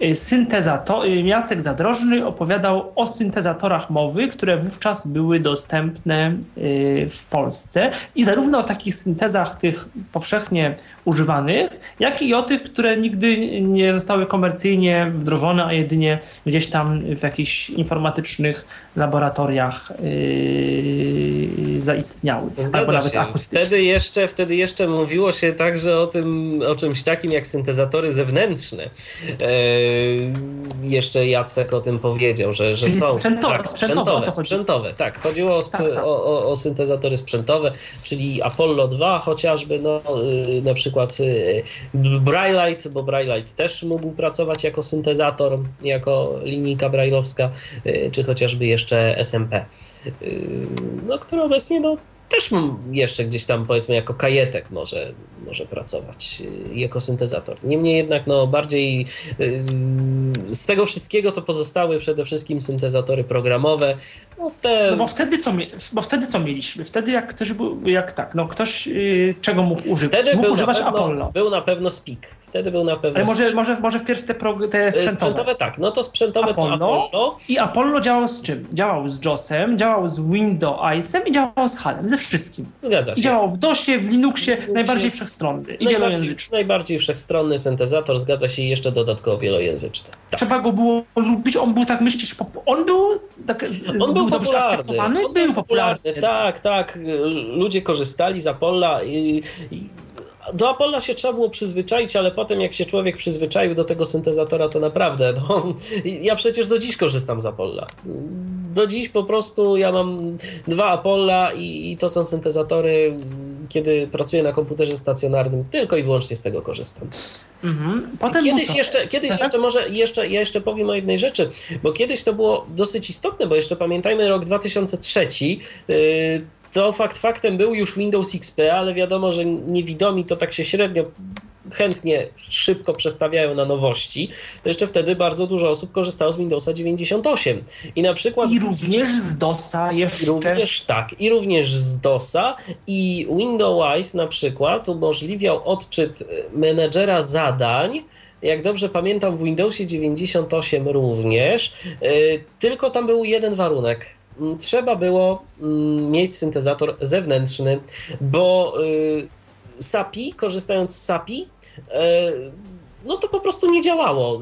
To jakoś tak było, że Ctrl Alt Delete, kiedy się wcisnęło, no to wtedy wyłączał się dźwięk. I, i to nie działało. Tak. I jeszcze był problem taki, że wtedy się mówiło, że syntez... poniekąd to była racja, może nie aż taka, bo te spiki i inne aż tak nie zajmowały pamięci bardzo, ale też się mówiło, że syntezator programowy zajmuje dużo pamięci i obciąża procesor. Zgadza się. I to wtedy miało znaczenie, bo komputery w tamtych czasach, no to były jeszcze komputery z procesorami jednordzeniowymi. Pamięci operacyjnej, no to tak było powiedzmy wtedy 256 mega. Jak ktoś już mógł sobie pozwolić, no to 512, ale to było maksimum tak naprawdę. Jeszcze, jeszcze 1 giga pamięci operacyjnej, no to, to nie, to, to, to, to, to wtedy to jeszcze takich parametrów nie było. Eee, więc te 256, 512 i tam powiedzmy jakieś, jakieś jednordzeniowe Intele albo AMD-ki. Tak. I dyski, jakie dyski wtedy były takie? Dyski 40, 40 giga, nie? Tak, tak coś najbardziej. Koło, coś koło tego. Czasem już się 80 pojawiały, ale, mm. to, ale to rzadko. Jeszcze I, a, 40. I, i, a wtedy już było USB? Nie tak, powszechne. Tak, tak, było, było już ale takie, USB. powszechne, ale takie powszechne już? Jeszcze nie, jeszcze nie, nie, bardzo, jeszcze... To znaczy komputery... Jeszcze pendrive'y nie bardzo. Komputery kupowane tak... w tych latach, słuchajcie, komputery w tych latach kupowane to już miały, ale wcześniej jeszcze ale pamiętam... dwuletnie? To, to nie, tam z 2000-2001 to jeszcze, to jeszcze nie, to bez USB były. Tak, to się jeszcze kupowało takie przejściówki na tych tak zwanych śledziach, tam się wkładało do, na płytę główną, montowało się takie coś, takiego śledzia tak zwanego, wpinało się odpowiednie tam kabelki i wyprowadzało się wtedy port USB na zewnątrz. Ja pamiętam, że coś takiego jakieś, w jakimś konkursie radiowym wygrałem kamerę internetową. O, to był w jakim radiu? Nieistniejącym już Ława? radiu Wama. Wama, Wama z Olsztyna. Tak, z Olsztyna, dokładnie. Ja to pamiętam, przy, że... Przysłali, czy musiałeś odebrać sam? Przysłali, przysłali. O, I proszę. pamiętam, że kupiłem tę kamerę, to był rok, wygrałem tę kamerę, to był rok 2000 chyba pierwszy, więc trochę jeszcze dalej sięgamy wstecz. Natomiast to kamera ale ja nie miałem gdzie tej kamery podłączyć. Kamera była na USB. No i co? No i trzeba było komputer modernizować, trzeba było dokonać dodatkowego zakupu, żeby tę kamerę podłączyć, żeby zobaczyć, co w ogóle ta kamera może. I wtedy tam pamiętam się, trzeba było kupić takiego tak zwanego śledzia właśnie z USB i miałem wtedy do dyspozycji całe dwa porty USB. Wtedy jeszcze tak. można było kupić, jeżeli chodzi o nośniki, bo mówimy tutaj USB tak na marginesie, to jeszcze można było kupić komputery z stacjami dyskietek 3,5 cala. E, Sam taki kupiłem nawet w 2004 roku. Ja chcę tutaj jeszcze wrócić Oczywiście. do. E, chcę wrócić tutaj do syntezatorów mowy, bo mówiliśmy o tych sprzętowych, programowych, No i zwolenników tych sprzętowych, dla tych zwolenników, dla zwolenników tych syntezatorów sprzętowych w tej chwili mamy e, e, te głosy, które e, przeszły ewaluację. Jest SPIK, który z readboarda skrzyneczkowego przyszedł, jest e, SMP, który jest e, syntezatorem teraz programowym ze sprzętowego. Chyba Orfeusza można e, Tak, ale to właśnie zaraz o tym Apollo. powiemy, kiedy powiemy, jak, co jeszcze można było y, używać. I Przepraszam, że tak y, przerywam, bo poza Apollem mieliśmy ten SMP sprzętowy, który z Windowsem działał i on był popularny w określonych kręgach. No, kto używał Windowsa, to używał SMP raczej. Tak. Lubił ten Tak, SMP. tak, tak, bo to było często sprzedawane w pakiecie. W, pakiecie, jeszcze nawet nie jako kajetek, ale właśnie jako stacjonarny SMP, Tak, który bo teraz miał- już nie ma SMP y, stacjonarnego, takiego zwykłego. Mhm. Nie ma, nie, Tak. nie kupi się. I teraz syntezy programowe. Wtedy tak, mieliśmy yy, bardzo wówczas był popularny, znaczy może E, mamy telefon, więc, więc może zobaczmy, więc może odbierzmy jeszcze zanim przejdziemy do, do tematu. Halo? Halo? Halo? Y, bardzo słabo. O, już się słyszymy. Słuchamy. Ja, yy, witam wszystkich bardzo serdecznie. Znaczy ja chciałem powiedzieć, tak wrócić czasami, tak sięgnąć do momentu, kiedy ja dostałem swój pierwszy komputer. Czyli to w zasadzie był 2001 rok, z tego co pamiętam. Yy, I tak tutaj właśnie Państwo mówicie, że już nie, że nie było jeszcze komputerów, które były wbudowane w porty USB, tak? Wtedy. No, było z tym, było z tym różnie, ale w, 2000, w 2001 ja szczerze mówiąc nie kojarzę, żeby były porty Ja USB. już miałem komputer, który miał yy, tam cztery porty USB z tyłu. Z przodu nie było nic, były z tyłu porty USB. Ja być tak, może, być może. To zależy pewnie od płyty głównej albo od, też od ceny takiego zestawu. ja na przykład osobiście pamiętam to takie w ogóle czasy ten, że pamiętam, że mój, moim pierwszym w ogóle Windowsem to był Windows porażka zwany Windows Millennium. Wtedy nie miałem XP, tylko miałem Windowsa Millennium, najmniej udaną wersję systemu. No i miałem program, który się nazywał Outspoken. Ja nie wiem w ogóle, czy ten program się jeszcze rozwija, może nie będzie Nie, mowa. nie, Outspoken się nie rozwija, już się nie rozwija. od 10 lat właśnie się nie, nie rozwija akurat. A, no i pamiętam, że właśnie na początku był straszny problem, bo jak ja tego Outspokena dostałem, to na przykład nie dostałem dyskietki, która, na której tam był jakiś tam klucz czy coś takiego. I pamiętam, że ten Outspoken miał dwie dyskietki. Jedną właśnie z tych dyskietek to trzeba było jakoś osobno, tam taki kolega, który nam pomagał przy tym sprzęcie, to musiał osobno jakby e, donosić, bo tam właśnie nie było polskiej mowy i jakiegoś tam klucza. I pamiętam, że chyba syntezator jaki był, to też miałem z Windowsem ten syntezator również, Windowsem 4, 4 coś chyba, 4.5 chyba. To pamiętam, że to był syntezator Syntok i to był jakiś Syntok nie 1.6, bo tylko jakiś wcześniejszy, który w ogóle na dyskietkę się jeszcze mieścił, bo ja mam Syntoka 1.6 i on już na dyskietkę nie wejdzie. Może 1.5, bo był jeszcze pie- 1.5. No ale pamiętam na przykład, że to, to, no, ten syntok to miał tak, tak dziwnie działał, w sensie strasznie działał niestabilnie. Z, z tym odspokojem, potem z tym Windowsem też było różnie.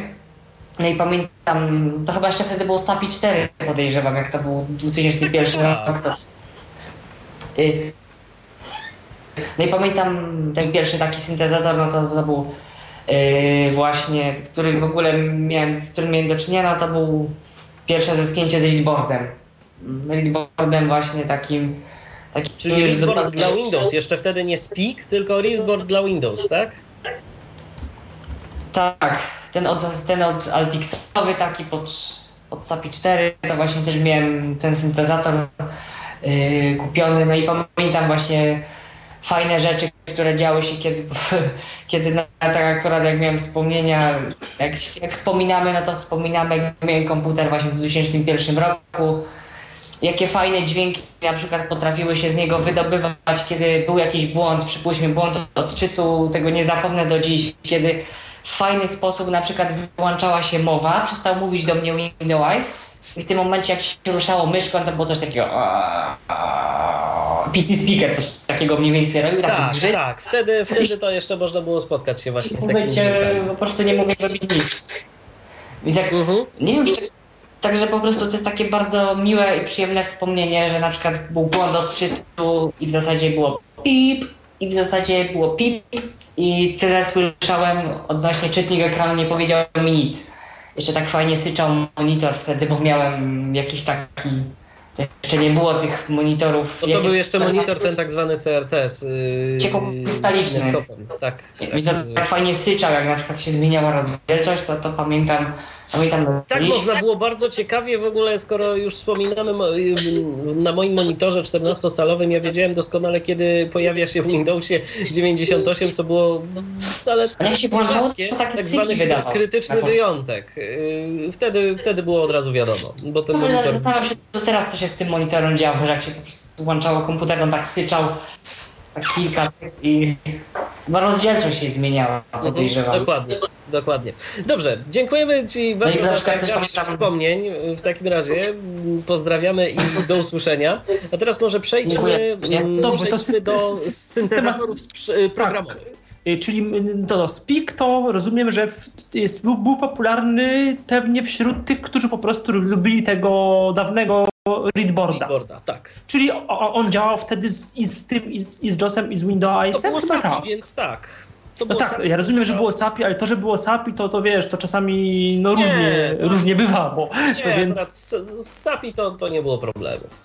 Z tym nie było Aha. nigdy problemu. Tutaj bardziej to jest MP sprzętowym, który tylko, tylko z e, Yy. Windowsem. y, Syntok. Syntok był bardzo, Syntok mam wrażenie był popularny wówczas o, bardzo. Nie wszyscy go lubili oczywiście, y, ale wiem, że Syntok miał swoich, y, no dzisiaj ma, ale wtedy miał jeszcze większy, więcej pewnie zwolenników i mi się wydaje, że może to, ja na to też patrzę inaczej, bo w Poznaniu, no jestem z Poznania i to Harpo gdzieś tam w Poznaniu dominuje, czy dominowało wtedy, y, no i tam wszyscy użytkownicy, którzy powali w Harpo, no to tego Syntoka gdzieś tam mieli, jeszcze kiedyś tam z Outspokenem i potem pewnie z czymś innym, tak mi się wydaje. Ja Y, jeszcze pamiętam takiego Syntoka bodajże 1.1, który nie był typowym syntezatorem mowy, miał dokładnie taki sam głos jak ten 1.5 czy potem 1.6, ale czytało się w ten sposób, że trzeba było najpierw skopiować do słowka tekst, a później Tak, takie słowka Iwo, takie coś takiego jak czytaj schowek. Mhm. To Tak, i on tam jeszcze mógł y, godziny, Godzinę, podawać. Tak, tak. tak, tak. F11 tam coś czytało, pamiętam, tak. Coś, coś, coś takiego było oczywiście, nawet w Windowsie 95 już chyba. Tak.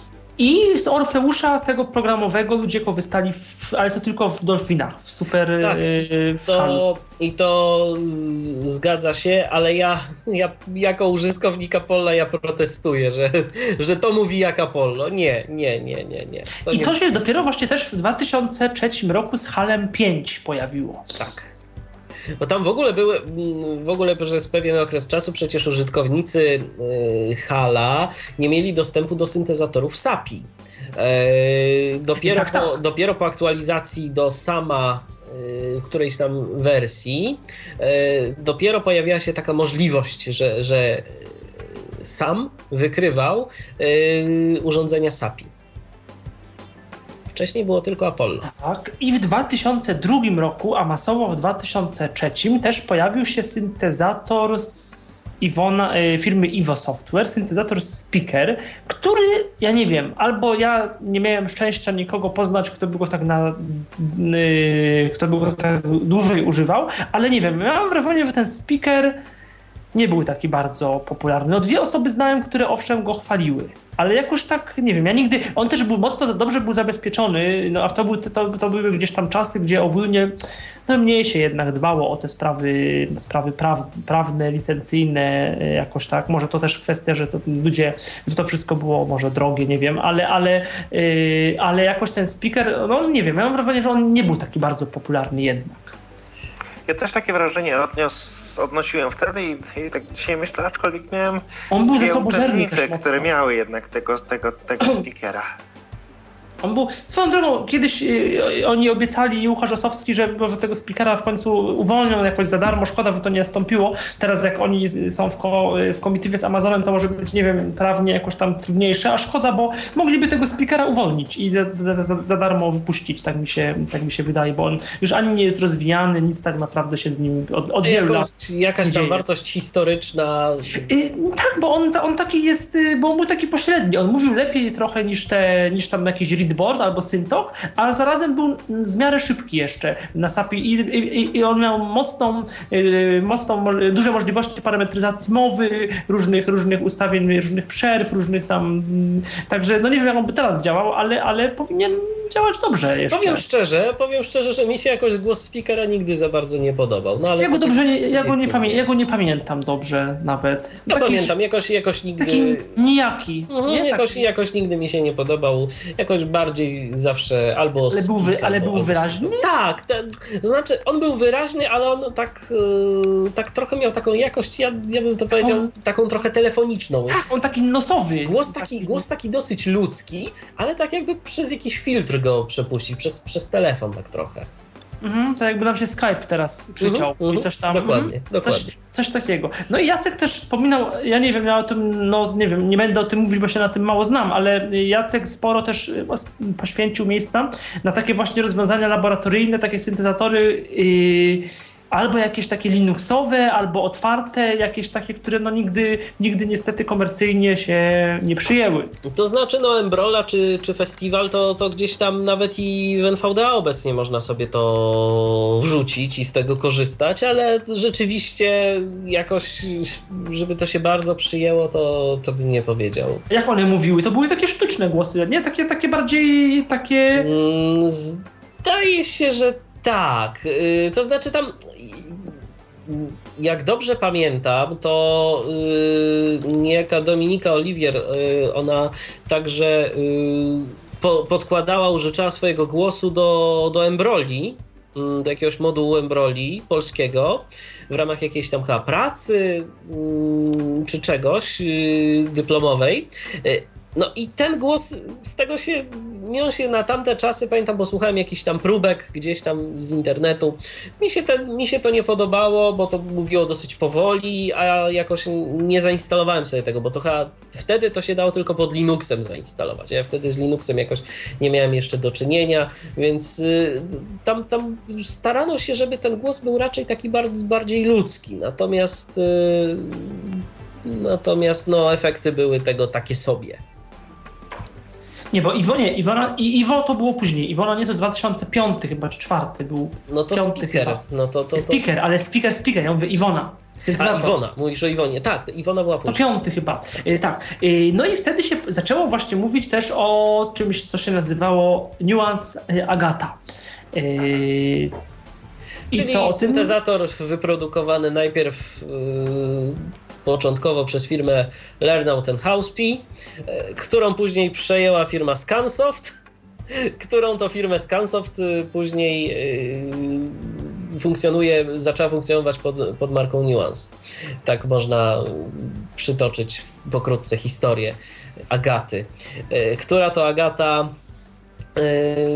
była obecna rzeczywiście tak od 2003, mimo tego, że ona... I na początku ona była obecna tak głównie w jakichś takich rozwiązaniach yy, takich przemysłowych, nie komputerowych. Nie, yy, pamiętam taką dyskusję, taki duży artykuł, jaki Cezary Dołęga z Neurosoftu na Tyflosie zamieścił właśnie taką historię, nawet jego jakieś takie tłumaczenie i taki referat na temat właśnie historii, właśnie tego, o czym mówiłeś, na temat, yy, na temat Real Speaker, na temat Agaty, na, na, temat tego, że ona jest gdzieś tam w jakiejś tam yy, systemach telekomunikacyjnych albo jakichś, na jakichś dworcach.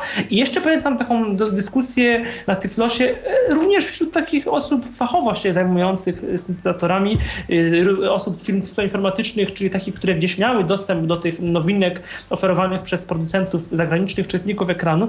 I to wcale nie było na początku oczywiste, że taka wysokiej klasy synteza zagości yy, w, w, w wersji SAPI albo w jakimś innym protokole strawnym dla czytnika ekranu. Bo głównie zwracano uwagę na ociężałość i zasobożerność i na to, że komputery ówczesne takiej syntezy nie uciągną, I tak naprawdę, I tak, tak naprawdę może nie potrzebowała ta synteza 10 lat na to, ale no te 6, 7 żeby do tego się tak przyzwyczaić i żeby, i żeby ona naprawdę zaczęła gościć w różnego rodzaju urządzeniach y, i programach komputerowych y, jako synteza zewnętrzna? Tak, to, to, to, na pewno, to na pewno tak. No wtedy pierwszym y, Harpo rzuciło się, Harpo miało problem, bo ten outspoken, o którym y, słuchacz mówił y, w 2003 roku niestety już przestał z powodów finansowo, jakichś też związanych z przejęciem jednej firmy przez drugą, przestał być rozwijany. No i Harpo nagle zostało bez screen leadera, które mogło oferować ludziom. No i Y, zgłosi, zgłosił się, nie wiem czy to było tak właśnie do nich zgłosił, czy oni wynaleźli, ktoś w projekcie jakimś badawczym chyba w Anglii zrobił jakiś taki czytnik ekranu, y, który się nazywał, czy potem go nazwano Dual. Program oparty stosunkowo na, on mógł być jakoś tam y, też konfigurowalny, bo miał jakieś skrypty, można było do niego pisać w Visual Basicu, tak żeby to było takie w miarę proste, bo to takie mocno Windowsowe. Program sam w sobie może i nie byłby zły, ale jakby no, był na tyle niestabilny i na tyle mało funkcjonalny. Do tego ta synteza Real Speak, którą Harpo się szczyciło, wszystkim oferowało, że to Dual, Dual y, pierwszy program, który mówi w ludzkim takim wyraźnym głosem, nie trzeba kupować żadnego Apollo, żadnego Kubusia, żadnego nie wiem, SMP, Spika, czegoś, no ale wtedy to było rozwiązanie bardzo ociężałe, bardzo destabilizujące system, system operacyjny tak naprawdę. Krzysztofie, a czy ty może kojarzysz jakoś bardziej możliwości tego duala? Miałeś może okazję z tym jakoś tam pracować? No i chyba znowu mamy problem. Ja pamiętam... Ja, ja jestem, Oj, ja jestem po Dobrze. prostu, padła mi bateria w aparacie słuchowym już w tej chwili. Zmieniłem tylko końcówkę pytania, usłyszałem, gdybyś powtórzył. Y, czy ty pamiętasz może jakoś tak praktycznie możliwości tego duala? Miałeś okazję z tym pracować? E, to znaczy, program zupełnie nie nadawał się dla osób całkowicie niewidomych.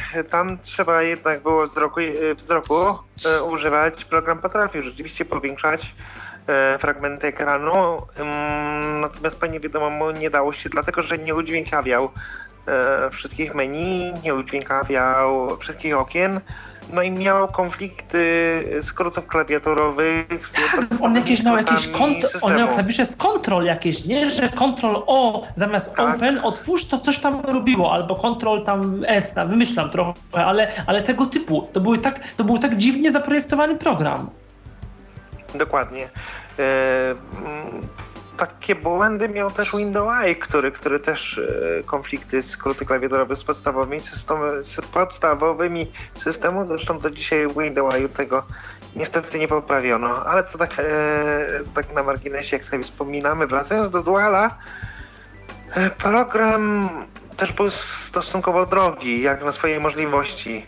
Mm, ale był tańszy od wszystkiego innego. On był dużo tańszy, jeżeli mnie pamięć nie myli. Tu bym się do końca nie zgodził, być może na, na, jak na możliwości, no to tak, ale o, ogólnie, jak tak ktoś nie znał się, to ten dual, e, trochę wymyślam, ale tak mniej więcej. Załóżmy, JOS kosztował 3000, to dual kosztował 1700 na przykład. To były takie różnice, to e, tak no cenowo. Tak, porównując w ten sposób, to masz rację, jak najbardziej. I były też problemy z tego, co pamiętam, e, ze sterownikami karty dźwięk, karty muzycznej, graficznej, przepraszam, jeżeli ktoś się zdecydował na instalację Duala, e, to później mógł mieć bardzo duże problemy z wyinstalowaniem tego. A pamiętajmy, i to trzeba jeszcze też powiedzieć, że wtedy, w tamtych czasach, e, instalacja programów odczytu ekranu to nie była wcale taka trywialna rzecz. To znaczy, to mogło się udać od razu i mogło to jakoś tam działać, ale mogło się równie dobrze zdarzyć tak, że program odczytu ekranu na przykład nam w ogóle nie wstanie. Ja pamiętam yy, i tu znowu sięgamy tak nieco, nieco wstecz, ale pamiętam czasy jeszcze pierwszego hala, z którego miałem okazję korzystać, to tam był 2000, rok 99. Yy, u mnie ten hal działał bez problemu, no to, bo to był komputer jakby dla mnie, do mojego wyłącznego użytku. Ale kiedyś tam mój tata mnie poprosił, żebym pomógł mu coś zrobić w pracy, yy, bo może by mi się to udało, no to w takim razie no ja mówię, ok, no to muszę zainstalować sobie u ciebie w pracy tego hala. Muszę sobie go zainstalować, yy, podłączyć Apollo, no i zobaczymy, może jakoś to będzie działało. Dobra, instaluję tego Hala, instalacja y, przebiegła prawidłowo, restart komputera, a y, Hal akurat miał coś takiego, że on się jeszcze wtedy chyba nie pytał nawet, czy ja chcę, żeby on się automatycznie uruchamiał. On się pakował do autostartu, Tak, tak, uruchamiał. tak, by, tak, tak było. Mhm. No i y, ładuje się system operacyjny, niebieski ekran. Wystąpił krytyczny wyjątek, restart. Znowu, i znowu, i znowu. I trzeba było po prostu w trybie awaryjnym tego hala się pozbywać. Do dziś nie wiem o co mu chodziło, ale podejrzewam, że był jakiś z czymś konflikt. Yy, no i niestety nie dało się. I tak mogło być na dużej ilości komputerów. I były jeszcze wtedy bardzo duże problemy z tymi sterownikami przechwytywania obrazu yy, i tego typu sprawami. Teraz taki NVDA nie potrzebuje w ogóle tych sterowników. On sobie może działać bez, bez tego. Yy, W Windowsie 8 zrezygnowano w ogóle z tych sterowników. Producenci oprogramowania odczytu ekranu muszą sobie inne na inne sposoby radzić. E, No ale wtedy to wcale nie było takie oczywiste. To nie było takie klikanie dalej, dalej, dalej, y, jeżeli chodzi o instalację programów odczytu ekranu. Mało tego, e, instalacja programu odczytu ekranu czy syntezatora mowy mogła się powieść, a wystarczy, że ktoś na komputerze z rodziny uruchomił grę, koniec, wszystko padało, od nowa trzeba było robić i już wtedy było, było pod górkę. Tak, ja pamiętam, że swego czasu na przykład przez uruchomienie jakiejś gry y, wyłączyła mi się kompletnie synteza, y, ściszyła ona się do jakiegoś tam bardzo dużego poziomu. Okazało się, że mm, w, hal, w panelu kontrolnym Hala po prostu w trakcie tej gry ktoś tak zaczął grać i naciskać klawisze, że uruchomił panel kontrolny Hala, który wtedy się wywoływało skrótem Control Spacja. Domyślnie było pole do regulacji głośności, syntezy i sobie podać parę razy tam odpowiednią strzałkę, że ta głośność tej syntezy zjechała prawie do zera. Y, Więc y, to tak, to tak jeszcze a propos. Tak, to, to były tego. A ja bym jeszcze, te- e, nim przejdziemy do ostatniego referatu i do wystawców, chciałbym zapytać o taką rzecz, która wtedy bardzo pamiętam, o niej też się głośno dyskutowało, bo wtedy to był taki czas, kiedy jeszcze te komputery, tak jak mówiliśmy, były drogie i ludzie te komputery, komputery w sensie komputery stacjonarne czy albo laptopy nabywali właśnie z programu komputer dla Homera i w, była taka wtedy no taka mm, konkurencja, z wiadomo z jednej strony e, chodziło o pieniądze, ale też o taką, taką ideę, o jakość usług. I niektórzy użytkownicy niewi- niewidomi, ale też no, firmy tyfloinformatyczne, szczególnie, szczególnie Altix, bo to akurat pamiętam e, bardzo dobrze właśnie z list dyskusyjnych, zawó- e, zawrócały, e, ostrzegały, żeby nie kupować sprzętu, zestawów komputerowych, po prostu komputera u zwykłego sprzedawcy, bo ci sprzedawcy często jakoś tam wykorzystują osoby niewidome, sprzedają nie taki zestaw jak powinny, albo nie umieją go skonfigurować. Pamiętajmy, jeszcze dodam, że wtedy nie, no, nie było tak powszechnych takich dużych, były komputroniki w dużych miastach i podobne sklepy, ale to nie było tak jak jest teraz, że głównie jednak się kupuje komputery jakoś tam sprawdzalne, markowe, w jaki, albo nawet jak nie markowe, to sygnowane jakąś dużą, dużą marką. Kiedyś wtedy były no, takie małe sklepiki popularne, z których jakością usług było różnie. Czasem bardzo dobrze, ale czasem bardzo źle. I czy rzeczywiście było tak, że to był problem i, i lepiej było kupić komputer od razu w jakimś tam Altixie czy Harpo, które wtedy y, no, y, gro ich czasu y, poświęcanemu klientowi, kiedy on kupował y, sprzęt z Homera, no to właśnie było składanie zestawu komputerowego i jego y, konfiguracja dla klienta. Tak to wtedy było. Na Tak to wtedy było. Z jednej strony był to oczywiście marketingowy bełkot, żeby przyciągnąć klienta. Z drugiej strony w tym marketingowym bełkocie było wiele racji. Mówiliśmy parę minut temu o problemach, które były z instalacją. E, I, I ta instalacja syntezatora mowy czy oprogramowania udźwiękawiającego bądź powiększającego zawartość ekranu, ekranu, no to nie była bułka z masłem. I dla przeciętnego e, e, jakiegoś użytkownika, przeciętnego, może inaczej, takiego niedoświadczonego, który dostał po raz pierwszy komputer e, do ręki, stanowić to mógł e, problem. Z drugiej strony... Ja powiem więcej, Krzysztofie, wejdę ci, wejdę ci w słowo, ale ja powiem tak, no, podejrzewam, że nawet i dla przeciętnego tak zwanego informatyka mm, to... Tak, to chciałem to, powiedzieć. To Mhm. też wcale nie byłoby takie oczywiste, proste i i jednoznaczne, Y, bo po prostu, no jeżeli wszystko było to sobie informatyk radził, ale jeżeli zaczynały się schody, bo na przykład właśnie y, pojawiał się y, niebieski ekran albo, albo podobne rzeczy, no to już informatyk miał problem. Ja, ja pamiętam diagnozy, jakie mi informatycy stawiali. A to się y, głośnik zepsuł, czyli ten, czyli, czyli syntezator, bo syntezator został ochrzczony jako głośnik. E, że się głośnik zepsuł, a to, a to, że pamięć operacyjna coś tam zaczyna nawalać, a to coś, a to coś, a to coś. Także takie diagnozy były. No nie ma się co zresztą dziwić, bo skąd taki informatyk mógłby wiedzieć, jak ten program odczytu ekranu tak naprawdę y, działa z komputerem i na co on może być wrażliwy. Więc y, tu były takie, tu były takie sytuacje. I ja powiem jeszcze jedno. Mm, Wtedy pamiętajcie, że jeszcze były powszechne y, procesory z gatunku tak zwanych celeronów, y, które były dobre, bo były tanie, mm, ale nic poza tym. Te celerony, one były pozbawione jakichś instrukcji multimedialnych, a jeżeli ktoś chciał korzystać z syntezy mowy, to ja jednak myślę, że te celerony i ktoś chciał korzystać z programowej syntezy mowy, to myślę, że te celerony mogły nie być wcale takim dobrym pomysłem w tamtych czasach. E, Dokładnie. Jeszcze chcę zwrócić uwagę na taką, na taką rzecz, e, gdzie jest bardzo cienka granica i, i mam nadzieję, że wyrażę się dobrze, nikogo nie krzywdząc. E, Wtedy mm, te, ci tyflo sprzedawcy e, kładli nacisk na to, żeby klientowi przygotować stanowisko od A do Z, łącznie z rejestracjami różnymi, łącznie ze, ze skonfigurowaniem jakichś tam e, dodatkowych e, funkcji.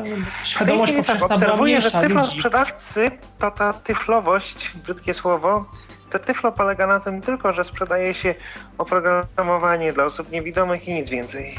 Tak, ja pamiętam mój pierwszy komputer, y, który, w którym miałem takie menu jeszcze z takim wyborem, tam czy chcę wystartować Windows, czy, czy Readboarda. y, No i już wiadomo, gdzie kupowałem ten komputer. tak. Przy czym później się okazało, że nie dostałem, jak przyszło do reinstalacji, to jeszcze a propos tej tyflowości, yy, swoją drogą ciekawe, ciekawe słowo, yy, to okazało się, jak przyszło do reinstalacji systemu, no bo w końcu trzeba było, to się okazało, że od sprzedawcy nie dostałem yy, sterowników do płyty głównej na przykład. Co? No, no co? No, trzeba było szukać. Trzeba było szukać w internecie. Tak, no bo pamiętajmy, w 2003 rok, owszem, już w dużych miastach i w ogóle była i neostrada i telewizje kablowe, nie wszędzie, ale były, ale, ale internet, e, stałe łącze internetowe i w ogóle powszechność używania, e, używania komputera ogólnie przez osoby, przez osoby e, widzące nie była jeszcze taka, no to jeszcze nie było tak, że każdy ma komputer. Ja pamiętam, to jest troszkę dygresja, ale tak sobie skaczemy, jak ja pisałem pracę magisterską 2004-2005 rok i wtedy już każdy pisał, no powiedzmy, że to już był czas, kiedy już y, każdy pisał pracę na komputerze, ale zdarzały się osoby, że które nie miały swojego komputera jeszcze i u kogoś, u koleżanki, kolegi, czasem w bibliotece, tam jakiejś czytelni y, korzystały z komputera albo z internetu, żeby coś sprawdzić, żeby napisać pracę. Ale jeszcze 2001, drugi rok, czyli osoby które wtedy kończyły studia, no to był rok y, urodzony w roku 70, tam powiedzmy 5, 76, no to wtedy y, to, że ktoś, y, to, że ktoś pisze na komputerze, no to, to, to, też nie było takie jeszcze oczywiste. Wtedy jeszcze czasami się pisało jakoś tam ręcznie i dawało do przepisania, albo przepisywało taką pracę. No tak, To też o tym bo, pamiętajmy. to, bo to wtedy jeszcze wcale nie To- była ta to dopiero komputeryzacja wchodziło. taka powszechna. Tak, jeszcze wtedy wiele osób komputer traktowało jako coś takiego naprawdę, jako, jako taki dodatek. To komputer to Taki się luksus. wtedy... Tak, taki luksus. Komputer się pojawiał zazwyczaj wtedy, kiedy pojawiało się w rodzinie dos- dorastające dziecko, które to no, gdzieś tam powiedzmy no, na komunię albo, albo na jakiejś, w jakiejś innej okazji, gdzieś tam powiedzmy ten komputer mógłby się pojawić Tak, ewentualnie. to ale jeszcze tak- było tak, że z komputera można było skorzystać, a nie korzystać z niego jakby Tak. non-stop. Tak, tak, tak, tak, tak. I tutaj osoby niewidome były w pewnego rodzaju awangardzie. Ja pamiętam troszkę jeszcze się cofnę do czasów liceum. Chodziłem do szkoły, do szkoły ogólnodostępnej, to były lata 95-99.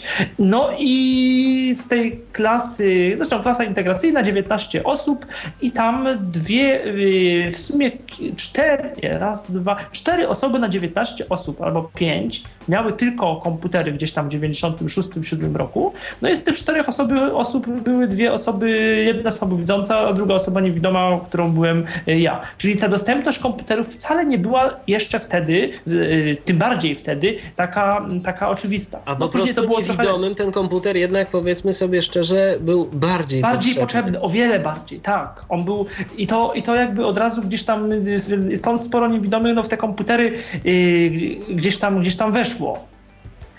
Yy, od... To było 2003 e, rok, to było Reha for the Blind po raz 3 i już wtedy, bo tak y, rozmawiamy o pracach magisterskich, o przepisywaniu tekstu, ale już wtedy był program FineRider. To już nie było czasem tak. rekognicji. Ale jeszcze QR text, a w, a w DOSie jeszcze używali QR teksta, bo Wordów się ludzie bali trochę.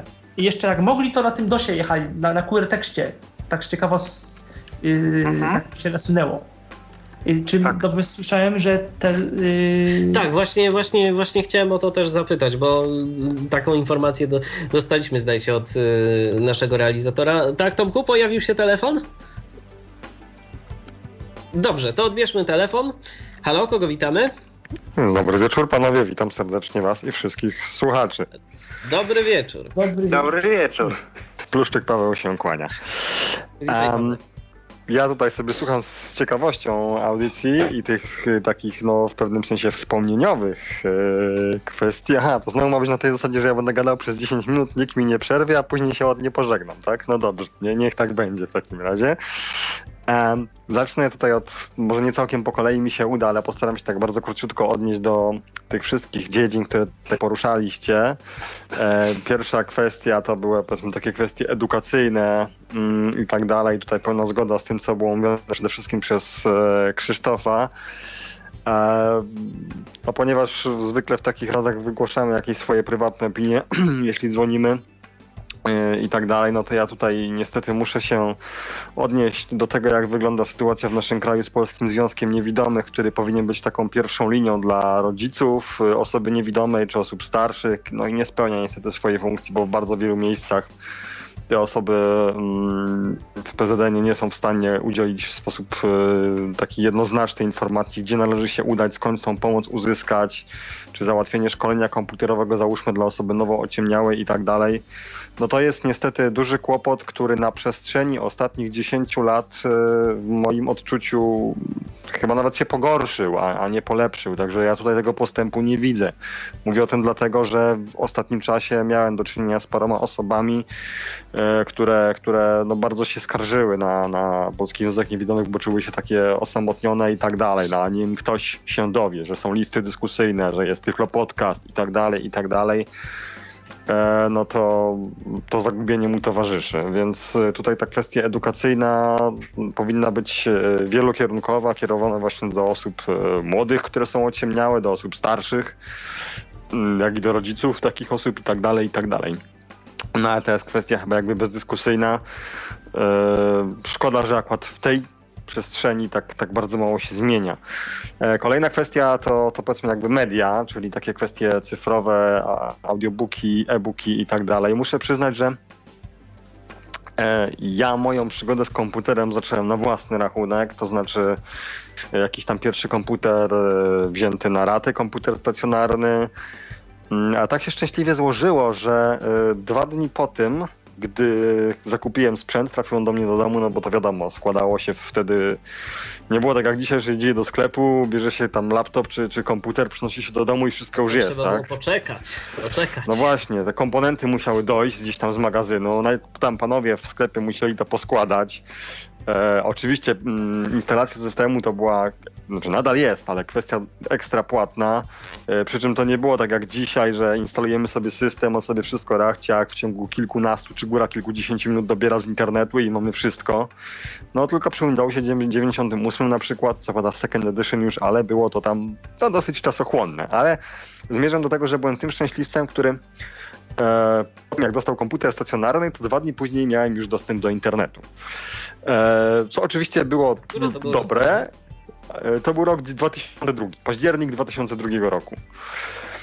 E, To miało duży plus, ale z drugiej strony też miało ten minus, że no od razu zostałem rzucony na tą najgłębszą wodę, prawda? No bo to jednak, e, chociaż rzeczywiście wtedy internet wyglądał zupełnie inaczej, no mniej było zagrożeń w sieci. Wirusy, no, ale wirusy były groźne. Wtedy się o tych wirusach, y, bo to z tymi firewallami było różnie, to, to wtedy mi się wydaje, że właśnie było trudniej. Te systemy były mniej odporne, Windowsy. E, Tak, natomiast ja mam na myśli bardziej samo jakby poruszanie się w internecie. Mimo tego, iż w programach e, odczytu ekranu dokonał się bardzo duży postęp na przestrzeni tego ostatnich lat, to e, wszyscy pamiętamy, to wy i część słuchaczy, że strony internetowe, nawet duże portale, takie jak na przykład Wirtualna Polska i tak dalej, były, to wtedy był mój ulubiony portal, były dużo bardziej dostępne, mniej było tego całego śmiecia i tak dalej, też znacznie mniej reklam i w ogóle, więc to wszystko było znacznie, znacznie dostępniejsze i paradoksalnie na mniej kłopotów e, natkał się użytkownik chcący mm, nawigować e, po stronach internetowych. No i właśnie zmierzam do tego, że pierwszy wtedy miałem taki kontakt e, z e-bookami, jak to się dzisiaj ładnie mówi, a wtedy to były po prostu jakieś tam pliki TXT i tak dalej, gdzieś tam tymi książkami się wszyscy wymienialiśmy i Piotr Witek, który był takim motorem napędowym moich e, działań związanych z zakupem komputera i później z jego oswajaniem, za co do końca życia i pewnie jeden dzień dłużej będę mu głęboko wdzięczny. E, On mnie zachęcił do, do czytania właśnie e-booków i pierwsze, pierwszego mojego e-booka czytałem e, Hale. E, I rzeczywiście muszę przyznać, że od tamtego czasu e, przerzuciłem się, oczywiście na początku bardzo opornie mi to szło i tak dalej, ta mowa syntetyczna. E, Zacząłem w ogóle, tak się złożyło, że pewna osoba, nie będę tutaj wymieniał nazwiska, bo kto wie, czy do tej pory ją ktoś tam nie ścigał, udostępniła mi jedną swoją autoryzację Jawsa. E, Ale ponieważ e, jakoś z tym Jawsem to tych czytanie tych audiobooków mi nie szło, to jednocześnie gdzieś tam z tym Halem, który też jakoś tam e, mi się dostał, mm, próbowałem to robić. I właśnie, tutaj przeskakując na sekundkę mm, do, do kolejnego etapu, powiem, że dla mnie ewolucja w zakresie syntezatorów mowy się nie dokonała, dlatego że ja zaczynałem od readboarda i ciągle z niego korzystam. Dzisiaj to się nazywa Speak, ale ciągle ta mowa do mnie przemawia najlepiej, najlepiej mi się z tym pracuje. Mowa Ale właśnie- z lat 80. tak naprawdę. powiedzmy. No właśnie, właśnie, ale te mm, e-booki to mnie tak wciągnęło i to też e, było takim motorem napędowym e, moich działań e, jakby w poznawaniu tego komputera, tak? E, Z domową się już oswoiłem, więc e, było mi, było mi znacznie łatwiej. Oczywiście później ten postęp e, na przestrzeni ostatniego dziesięciolecia w zakresie mm, książek tak mówionych, e, czyli właśnie audiobooków, jak i e, e-booków jest, jest wręcz niesamowity. E, Dla mnie zawsze niezrozumiałym i do dzisiaj niezrozumiałym jest to, że przecież gdy tworzona jest książka, która idzie y, do drukarni, a następnie trafia do księgarni, wszystko to, nawet już wtedy, te 10 lat temu, było dokonywane przecież na komputerze. Y, Dlaczego w takim razie nie jest jakiś prawnie mm, usankcjonowane to, żeby to mogło od razu po prostu być w formie e, elektronicznej? Szczególnie dzisiaj, gdy to wszystkie media, multimedia tak się prężnie rozwijają, a jednak ciągle mamy jednak do czynienia z sytuacją, w której mm, w większości przypadków, rzecz jasna, chociaż to się bardzo powoli zmienia, pierwszy trafia na rynek e, egzemplarz książki w wydaniu papierowym, dopiero gdzieś tam później, nawet po kilku miesiącach, czy nawet w dłuższym okresie czasu, pojawia się w formie elektronicznej. Dostępność Tak, tych... i to, e, obecnie, i to obecnie nadal tak jest. Ostatnio, No czytałem, mm, ostatnio czytałem o tym, że Wiedźmin teraz wyszedł, najnowsza część Wiedźmina Tak, Sapkowskiego, yy, w wersji papierowej na początek. No właśnie, zgadza się. Parę innych książek, które mnie powiedzmy też by interesowały w takiej samej formie e, się, się ukazuje. I oczywiście oczywiście. No, dzisiaj. Mm, ale ogólnie ci, przepraszam, że wejdę w słowo, ale ci wydawcy, którzy już tak bardziej, yy, bardziej spektakularnie weszli w ten rynek, to mówię o takich wydawcach yy, nie tylko elektronicznych, o takich wydawcach dużych, jeżeli oni już weszli w ten rynek elektroniczny, to na, yy, na ogół jest tak, że te nowe książki już też od razu w wersji elektronicznej. Owszem, jeżeli weszli. Yy, tak. jeżeli tak, weszli. A, spo, a, a sporo się przez te dwa lata już, jak mówiliśmy, zmieniło, co nie zmienia faktu, że chcemy jeszcze więcej. A no właśnie. W miarę jedzenia.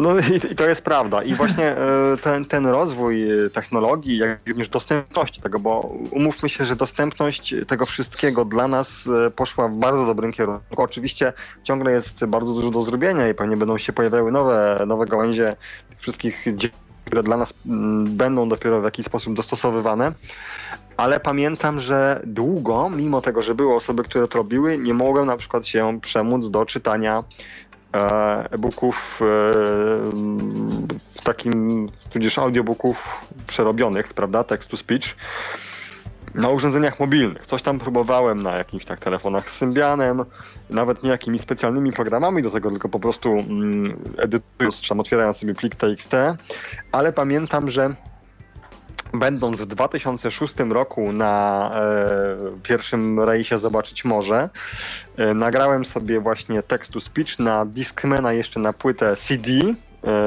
książkę i w taki sposób jej słuchałem, więc to też było taką pewnego rodzaju mm, ewolucją i krokiem naprzód. Ale rzeczywiście dopiero zakup BookSensa w 2009 roku, czyli jednak już 6 lat po, tej, e, po tym punkcie odniesienia, od tego tutaj sobie wystartowaliście, mm, to wszystko zaczęło się dziać. To jest właśnie to, co, to, to o czym Michał mówił, e, Michał Kasperczak, że były na on czas jakieś tam stacjonarne, prawda? E, urządzenia do czytania mm, plików tekstowych. Natomiast y, nawet jeśli były jakieś mobilne, poza czytakiem, no to w naszym kraju one były niedostępne. Dopiero później jakieś tam Wiktory właśnie, mm, elektory, booksensy i tak dalej i to, to wszystko tak, weszło. Ale to wszystko i... dopiero 2006-2007 rok zaczęło wchodzić jakby, bo Milestone w 2006 powstał jakby, Wiktor ten mniejszy przenośny w 2007, Booksense w 2009, no Plextokiem, no to ten stacjonarny mhm. to był w 2003 pokazany, to właśnie jako pierwszy Piotr Woza go pokazywał w, na Recha. Nikt nie, nie czy w czwartym to było, przepraszam, w czwartym był nowy Plexstock, którego nikt nie umiał obsłużyć, bo to było taka, e, takie ekstra urządzenie, które ledwo co przyszło i coś tam, coś tam. E, ale, ale to, to nigdy tak, to wtedy, no bo, ale wtedy też był ten problem, że nie było to, co mówiliśmy też do 2005, nie było książek z BC w ogóle e, audio takich dostępnych na płytach, nie w jakimś Daisy czy w czymś no takim. No właśnie, no właśnie. I dopiero, dopiero rozwój, yy, czyli w pewnym sensie komercjalizacja. Ja tutaj, yy, ponieważ yy, gdy ten temat się pojawił na liście, też e, Michałka, e, jakbyś chwilę tam powiedzmy prywatnie sobie e, zamieniliśmy dwa słowa odnośnie mm, audycji, która obecnie trwa, to dwa takie słowa, które mi się nasuwają, które takim, takim wątkiem przewodnim, czy, czy na kanwie których ta audycja mogłaby się toczyć, to jest jedno to jest komercjalizacja, która no, siłą rzeczy nam tutaj bardzo przychodzi z pomocą, niejako mimochodem, aczkolwiek oczywiście e, nie do końca mimochodem, no bo pewne, pewne działania są zamierzone.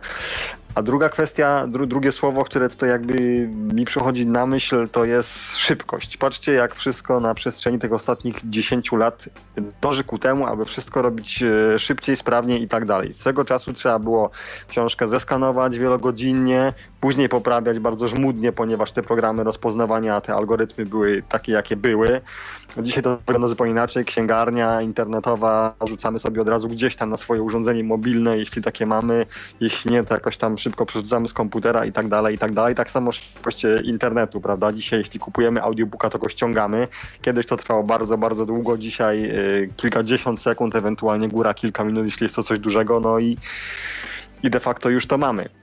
Co się tyczy sensatorów mowy, jak powiedziałem wcześniej, że ja jakby ta ewolucja niejako mnie nie dotknęła, Natomiast rzecz jasna, kupując komputer z programu dla Homera w 2009 roku, yy, doposażyłem go sobie w syntezator mowy Loquendo i tego Loquendo używałem na prezentacjach, tak? No bo jednak umówmy się, że mm, większość osób, która ma pierwszy raz styczność z mową syntetyczną, raczej nie zrozumie readboarda czy tam syntoka w sposób taki umożliwiający w pełni mm, do, odebranie tego, co tam jest aktualnie mówione. Także i w tym względzie jakiś tam postęp się dokonał, co nie zmienia faktu, że tacy tradycjonaliści, czy tam ludzie z kilkunastoletnim stażem w komputerach jak my, chyba jednak są mimo wszystko nadal wierni temu, co, od czego zaczynali, a w każdym razie co, co było ich początkami. A odnośnie speakera, no to oczywiście e, ze speakerem chyba wielu z nas miało do czynienia przy okazji e, TOSa, prawda? No ja miałem Toxa, e, jak już była w 2008 No tak, ale, ale, ale. Ja były takie ale wiem, o co, chyba... No, no wiele, wiele osób rzeczywiście korzystało ze speakera w Toxie właśnie, tak. To na pewno. No, y, tutaj ja byłem na jednej konferencji Recha rok później, w 2004 tak, rok roku. Później. Mhm. E, I, i no, wielokrotnie na listach Nie pisałem, miałeś, że miałem, nie miałeś no możliwości właśnie, nie, obejrzeć Mobile Speaka, niestety. Tak, tak, to, to jest jedna kwestia. Natomiast, bo tutaj dużo mówicie o tych referatach. No ja oczywiście, ponieważ byłem tylko jeden dzień, no bo wycieczka do Warszawy, no to siłą rzeczy. Przepraszam, to było się- tylko, te, te, te rechy tylko miały jeden dzień wtedy, trwały. A no to być może. No więc właśnie, więc siłą rzeczy człowiek bardziej był skupiony, wydaje mi się, jak na przynajmniej taka osoba, która się jakoś tam tymi kwestiami technicznymi, jak ja, no i myślę wy, bardziej interesuje niż, niż powiedzmy sobie pogadankami. E, Bardziej była skupiona na mm, poznawaniu tych wszystkich rzeczy, które tak czy owak były dla nas z wielu względów niedostępne, bo albo były drogie, albo trzeba było czekać na przykład do kolejnej edycji Homera, więc można się z tym było zapoznać.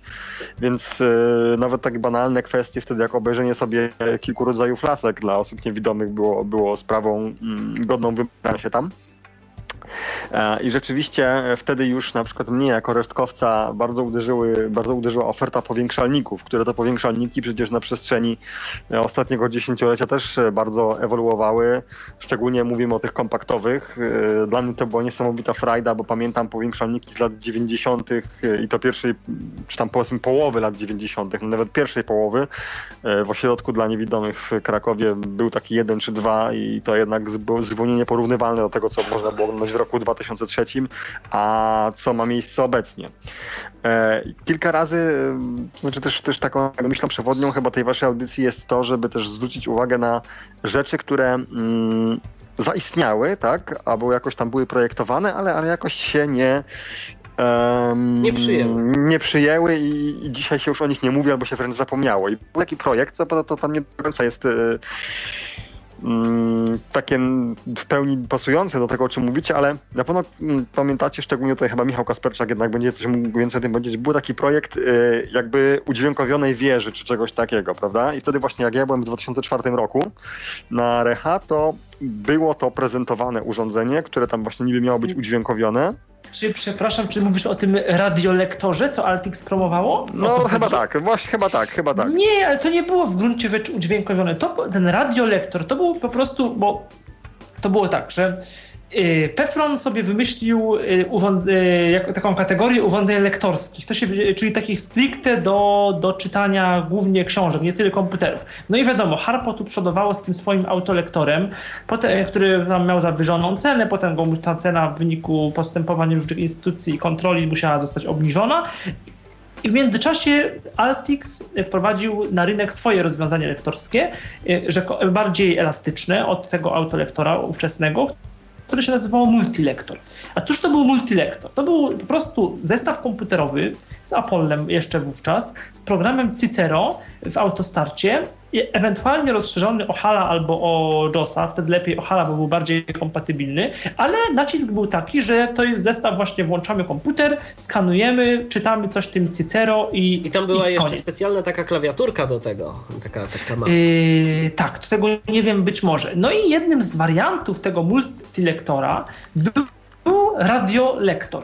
To był po prostu tak, był komputer w takiej mini obudowie, jak te Maci Mini teraz albo coś takiego, i i z takim panelem jak wieża i z jednej strony można go było włączać jak komputer, ale można było nie włączać komputera, tylko inny przycisk i wtedy y, się włącza, y, po prostu to był y, takie radio ze wzmacniaczem, że można było podłączyć jakieś głośniki, antenę i coś takiego. Ale to, ale to z poziomu komputera nic y, z tej wieży nie, nie Nie było można dostępne. było jakby zrobić. To, było, ale chyba, to chyba nie dało się mm, No mi się ale właśnie wydaje, nie, nie, to- nie wiem, czy, czy ale to nie było jakaś taka plotka, że to miało właśnie jakoś działać. Wiem, że tam sporo osób było tym Ale zainteresowanych, mi coś tak, ponieważ... ale tak, bo takie hasło udźwiękowiona wieża, ono mi też coś, jak mi przypomniałeś, No to coś właśnie, mi to krąży po ja głowie. dlatego się do tego Więc coś tam, coś może było mówione rzeczywiście, albo, albo może jakaś firma przywiozła coś takiego. Pamiętam natomiast, że właśnie na, tym- na tym Recha, no już, już, już kończę, pamiętam, że na tym Recha, na którym właśnie byłem, to dopiero to dzień wcześniej, czy nawet tego samego dnia rano przyjechało i ci ludzie, którzy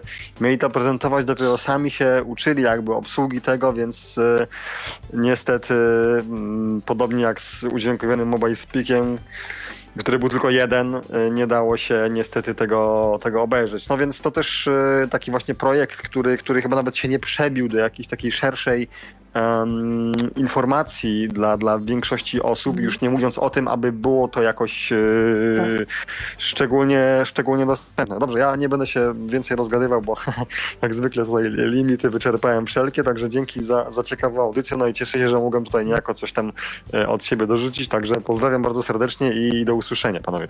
Do usłyszenia, Do Pawle. usłyszenia. Dziękujemy Ci bardzo za głos w dyskusji. Panowie, y, z racji tego, że bardzo nam się fajnie zbavia. To przyspieszymy i, troszkę. I myślę, że No, moglibyśmy tak długo jeszcze rozmawiać, ale proponuję, żeby coś o sprzęcie powiedzieć. Tak, o spędzie za chwilkę, jeszcze kończąc te syntezy i projekty takie niedokończone, y, no to też był taki Linux dla niewidomych, który była ciekawa sprawa, ale nie zostało nigdy, nie wyszedł z faz testowych tak naprawdę. Takie stworzenie zamkniętego konsolowego Linuxa, ba- y, ta, y, takiego w pełni, w, pełni, w pełni funkcjonalnego, nie tyle dostępnego, ile funkcjonalnego dla, dla osób y, niewidomych.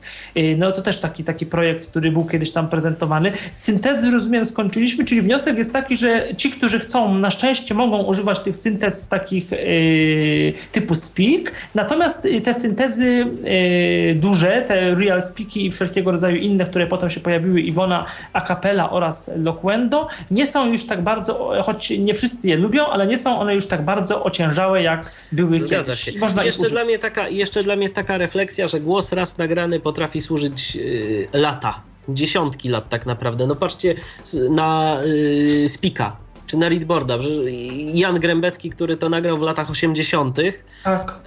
no mm, istnieje ten, ten głos, te fonemy do dziś i one są do dziś wykorzystywane. Tak. I pamiętajmy, głos działa różnie na różnych urządzeniach ten sam. O ile Agaty i tych wszystkich syntezatorów niuansa y, w Polsce przynajmniej, mam wrażenie, że wśród y, nieco bardziej zaawansowanych osób ich tolerancja w, czytni- w funkcjonowaniu z czytnikiem ekranu, mimo że są już teraz responsywne, jest tak naprawdę mała, to na przykład Acapelle albo, albo te głosy Nuance w urządzeniach mobilnych na Androida czy iOS, albo w e, e, tych jakichś tam Booksensach, Plexstockach, Wiktorach, one są używane, y, używane całkiem chętnie. Bo nie ma alternatywy. no, być może, ale jakoś nie wiem, czy tylko to, że nie ma alternatywy. Ja myślę, że to jest przede wszystkim czynnik taki, no bo, no Michał, powiedzmy sobie szczerze, no nie masz alternatywy na przykład w iPhone'ie, żeby używać innego głosu. No. Y, To- No tak, ale w, Plex, ale w Plexstocku na przykład mam tego, tą zwykłą Agatę Compact, ja nie jestem nią w stanie słuchać książek. Mhm. Okej. Nie, nie, nie jestem po prostu. A w Booksensie i to kilka osób to e, przecież e, o, nawet nawet no myślę, że to nie jest nie, no Paweł Pluszczyk o tym pisał publicznie na, na, na, na liście Tyflos kiedyś, że, że e, o ile przecież e, tak jak mówił, Spika, Spika używa w komputerze Readboarda, no to w book w sensie bez problemu, bez problemu ten, tą, tą Agatą wysokiej jakości słucha książek, która jakoś nad wyraz dobrze tam działa. No, ty też w iPhone'ie no, nie miałeś innego jakoś tam mówisz wyjścia. Z jednej strony to prawda, no ale od początku nie, nie, nie zraziła ciebie ta synteza. Ta, No nie ta zraziła, Agata. bo nie zraziła, bo po prostu iPhone ma takie możliwości, że no, trzeba się przyzwyczaić do Wiesz, tej no, syntezy. są, są osoby takie, tak wrażliwe na syntezę, że jeżeli im synteza nie pasuje, to, to są w stanie zrezygnować z jakiegoś tam czegoś. Też są takie osoby. Powiem w ten Więc- sposób, to ich problem, nie mój. No, No, także Ja jeszcze dodam tutaj, na, Ja- kończąc sprawę atomowych, że e, no cóż, ja, ja, ja speak oj, mamy chyba jakiś problem. na mojej, na mojej stronie książki to tylko Czarnowski. Trzeba zdać sprawę, że to był początek, właściwie początek lat 2000 to był, e, kiedy zaczęto nadawać e, imiona ludzkie tym syntezatorem mowy nowym, które właśnie mają taki nie syntetyczny, tylko typowo ludzki. Później te głosy syntetyczne też e, dostawały imiona ludzkie. Był Bogdan, Maciek, e, był Jan, który z pik jest 3, głos Jan, e, ale to właśnie wtedy, ten rok 2002, 3, 4 zaczęło się ten czas, kiedy głosy e, miały też imiona ludzi. Dobrze, z przyczyn y, czasowych myślę, że nie będziemy już się, się rozwodzić nad skąd inąd ciekawym rozwiązaniem, jakie y, miałem na myśli Homer i translator, te systemy do przetwarzania latecha na Braille'a, Braille'a na latecha i to, co się stało z, z nimi po 10 latach, czyli pakiet, pakiet Euler. Myślę, że kiedyś o tym y, z, z osobną audycję trzeba będzie y, zrobić, być może nawet twórców by się zaprosiło, albo teraz, y, albo kogoś, kto tego Eulera będzie używać, który stał się teraz bardziej programem takim zastępującym y, Zastępującym pakiet do drukowania z drukarek brailleowskich. Ale to, to może sobie pominiemy. Yy, czyli co, teraz wystawcy i sprzęt, tak? Dokładnie. Myślę. No wystawcy, konferencja wtedy to była o wiele mniejsza konferencja, jak mówiłem, i tych wystawców i z zagranicy było mniej, i z Polski było mniej. Pamiętajmy, że nie było twórców czytaka, nie było Olympusa, który y, oferował dyktafony y, nie y, udźwiękowione, ale od 2007 roku, a dyktafony Olympus tak masowo, te nieudźwiękowane w Polsce, mam wrażenie 2004-2005 były popularne, wtedy jeszcze jakieś Panasoniki albo coś i kasety, wtedy jeszcze na kasety nagrywano, końcówki, ale jeszcze. I nie było Code Factory, bo, bo nie było jeszcze, chociaż nie, o Code Factory się zaczęło mówić, nie wiem czy oni byli, ale wtedy to były początki, jeszcze Mobile Accessibility jako program na Symbiana, ta taka nakładka. Mobile Speak chyba. Mobile Speak był przed Mobile Speakiem było coś takiego, taka nakładka, która niszczyła jakby cały system operacyjny Symbian i umożliwiała też dostęp do tylko wybranych aplikacji tam, taki jak teraz na tym Windows Phone na przykład. Rozumiem. Czyli, że tam kontakty, kalendarz, coś tam, coś tam. Jeszcze była taka... Czyli historia zatoczyła koło, jeżeli tak, chodzi o Tak, jeszcze była taka dyskusja między, między Markiem Krabarczykiem a Bartkiem Lartem na Altix liście, że coś tam, że coś tam właśnie, czy to jest, czy lepiej, żeby było takie rozwiązanie zamknięte, które coś umożliwia, czy, czy lepiej, żeby go nie było wcale, a właśnie iść w screenreadery takie jak TOX. No TOX to też jesień 2003. Jeszcze nie w Polsce, tylko w Niemczech, ale, ale, ale TOX wtedy się też mm, pojawił, tak a propos. Y, no jakie były, jakie były firmy? No były te firmy takie te sztandarowe, firmy, z którymi była związana firma Altix. Bo Altix na tej wystawie on był on był bardziej obecny niż teraz nawet, bo, bo po prostu tych firm było mniej. Był co? Był Dolphin oczywiście, był Freedom, Freedom Scientific, był... Yy, był, a, a propos Freedom Scientific, to myślę, że w tym momencie warto powiedzieć, że to tak. był taki e, dla mnie e, rok bardzo interesujący, bo e, z tu pojawiały się, pojawiało się kilka notatników Freedoma. Jeszcze spuścizna po Blazy Engineering, y, bo właśnie Freedom Scientific powstał z połączenia firm Enter Joyce, czyli mm, twórców JUTA i Blazy Engineering, czyli twórców notatników serii Braillite, Brian Speak. E, I właśnie wtedy pojawiały się zarówno notatniki Braillite, Braille Speak w wersjach tam 2000, Millennium, ale jeszcze, ale już zaczynały się pojawiać notatniki e, na tamte czasy i myślę, że no obecnie chociaż no trochę ze stabilnością jest lepiej, ale moim zdaniem wtedy Freedom zrobił krok wstecz. Zrobił krok wstecz Niestety. i zrobił krzywdę po prostu użytkownikom niewidomym, którzy im zaufali, i y, wydali na te notatniki swoje pieniądze. Bo y, wtedy pojawiały się notatniki PackMate.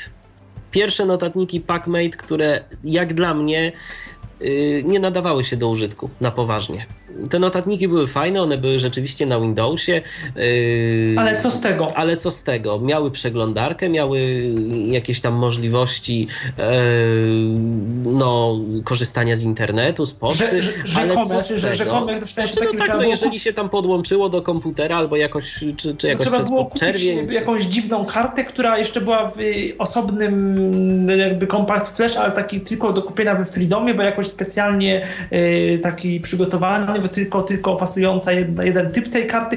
Bardzo takie nie, nieprakty, niepraktyczne, drogie i no tak nie frontem do użytkownika. Tak, niestety. i co z tego, że był tam w tych notatnikach JOS, yy, który, który naprawdę potrafił yy, udźwiękawiać te, to wszystko. Co z tego wszystkiego, skoro notatnik nie potrafił pełnić należycie swojej podstawowej funkcji, mianowicie notowania. To znaczy, oczywiście, można było notować, yy, ale jeżeli się notatnik zawiesił, a nie przegraliśmy sobie tych notatek do y, pamięci y, zewnętrznej, czyli na kartę, mogliśmy się z nimi pożegnać a ten notatnik wcale nie tak łatwo, y, nie tak trudno było zawiesić.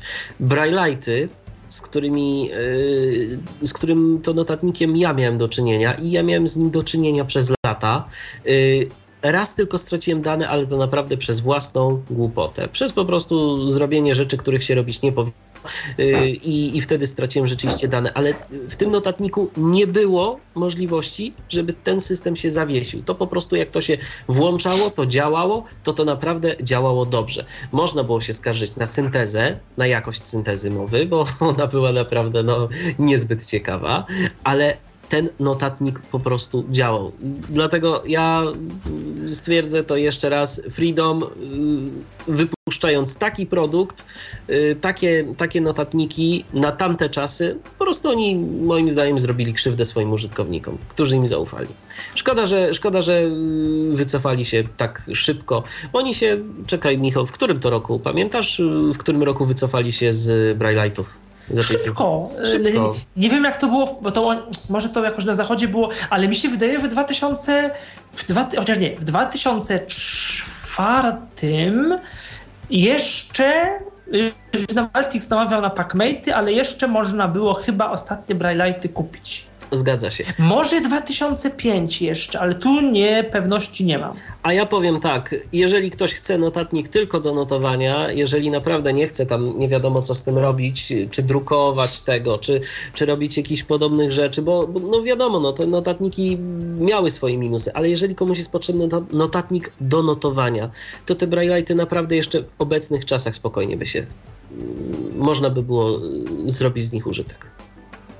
Tak, tylko szkoda, że jakby jeszcze miały czytnik kart, to w ogóle tak. w sensie, że kart, one na miały, SD... One niestety, tam można było sobie dokupić stację dyskietek, tam transmisja była przez port szeregowy, y, Packmate miały port... byłby problem, ale... miały port USB, y, wszystko tam, gdzie odbywało się przez tego Microsoft Active Synca. Też kiepsko, czyli to też taki, taki jak teraz z iTunesem, to tak trochę gdzieś tam tego, tego typu filozofia, to też pod tym względem Sense, który konkurencja wypuściła w 2005 roku, no to było bardzo elastyczne rozwiązanie. Od razu z portem sieciowym, z czytnikiem kart, z USB, że można było pendrive'a włożyć, no z różnymi takimi, niby system zamknięty, co prawda, ale to, co w nim działało, że tak samo zresztą jak w tych humanware'owskich niedostępnych w Polsce Braille Note'ach, to tam to rozwiązania, mam wrażenie, jakoś tak lepiej zostały pomyślane. No i też ogromne problemy z tym spolszczeniem PacMate'a. Raz, że nie, oprogramowanie nienadążające. Żeby spolszczyć, trzeba było downgrade oryginalnego oprogramowania PacMate'a robić, co było, to, to, były, to było, było bardzo trudne, a pamiętajmy, że PacMate no, nie był też jakoś tam promowany dla uczniów, czyli też dla osób jakichś tam, mm, które były w szkole podstawowej, w gimnazjum, no i to wyobrażam sobie, że one mogły mieć bardzo duże problemy. Mogły mieć problemy, dokładnie. I, i te packmate'y się pojawiały w szkołach. Niestety. Te packmate'y się pojawiały w szkołach i to był naprawdę duży problem, bo ja to znam od strony praktycznej, jak się uczniowie później skarżyli, albo też to była doskonała wymówka dla uczniów. Yy, napisałeś sprawdzian? Yy, no napisałem, ale zawiesił się notatnik i straciłem dane. I tak było. I, i, I, ja te historie znam z, z, autentycznych opowieści, bo u nas akurat w, w, mojej szkole byłej, gdzie uczęszczałem i później miałem okazję się temu przyglądać już gdzieś tak z boku, to pojawiały się właśnie Packmate'y. I mój podcast y, Packmate Okiem Nowego Użytkownika, jeden z pierwszych podcastów w Tyflo Podcaście to właśnie był na takim Packmate'cie szkolnym wypożyczyłem go Jeżeli mówimy o notatnikach, to powinniśmy wspomnieć, że już wtedy był kajetek, jeden z tańszych notatników i którego cena właściwie cały czas była taka sama. pierwsze kajetki to jeszcze w latach, koniec lat 90., gdzie mieliśmy możliwość wprowadzania tekstu za pomocą klawiatury, która była ułożona w kształcie sześciopunktu brajlowskiego, gdzie palce kładliśmy na punktach sześciopunktu brajlowskiego. Dopiero później e, weszły do użycia e, kajetki, gdzie klawisze, tak jak dzisiaj, mm, czyli maszyny brajlowskie, oczywiście one zmieniły się, zmieniły się kształty, zmieniły się wyglądy, no ale już w 2003 ten kajetek taki zadomowiony na naszym rynku jednak był. Tak, bo on zyskał, ja nigdy nie miałem jakoś głębiej do czynienia z tym urządzeniem, ale rzeczywiście, no on był, to był taki notes, no, notes z klawiaturą brajlowską, właściwie powinniśmy mówić, a nie notes brajlowski, bo on nie miał wyświetlacza brajlowskiego. No był tym syntezatorem, y, był rzeczywiście tani, bo kosztował te 3,5 tysiąca, coś takiego. Y, y, był jakoś tak dobrze mm, wspierany szeroko rozumiany przez firmę, przez, przez, przez, producenta, przez Konrada Łukaszewicza, przez firmę ECE. No i, i on się chyba przyjął w określonych kręgach. Tak, y, kajetek się przyjął. To, to, myślę, że, to myślę, że na pewno. Klawiaturę miał taką specyficzną, to były chyba takie standardowe klawisze w ogóle, wyjęte z klawiatury komputerowej, włożone gdzieś tam, takie, takie klawisze jakby do liter ze zwykłej klawiatury kwerty. No mi się bardzo nie... Ja chciałem kupić kajetka, on jak go zobaczyłem, mi się bardzo nie spodobał spodobał, powiem szczerze. No bo on miał taki swój wygląd, bardzo taki warsztatowy, że tak powiem. No niestety. No ten nowy kajetek, no to tak, no to kwestia gustu, ale też jakoś powiem szczerze, technologicznie może jest, no nie może, pewnie jest ok, bo on jest parametrowo do Brysensa zbliżony tak naprawdę, y, ten nowy kajetek SD, którego od czterech lat niestety on ciągle się rozwija i jakoś jeszcze nie mieliśmy Nie może przestać. Go, tak, nie mieliśmy niestety go okazji przed a bardzo szkoda. Yy, I yy, no ale, ale tak designersko, jeżeli chodzi o to, o taką ergonomię, no to na pewno jest to rzecz gustu i wierzę w to, że yy, twórca kajetka go jakoś tam z innymi niewidomymi sprawdził i na pewno aprobatę niewidomych uzyskał, ale kto nie miał do czynienia z tym kajetkiem, o ile jakoś tak BrightSense wzbudza takie powszechne uznanie i chęć używania, tak mm, powiem może nieco, nieco, nieco patetycznie, to kajetek tak no nie teraz zachwyca już, wyglądem. Tak, zachwyca mówiąc delikatnie, ani ergonomią, ani, ani ani, tak, ani wyglądem.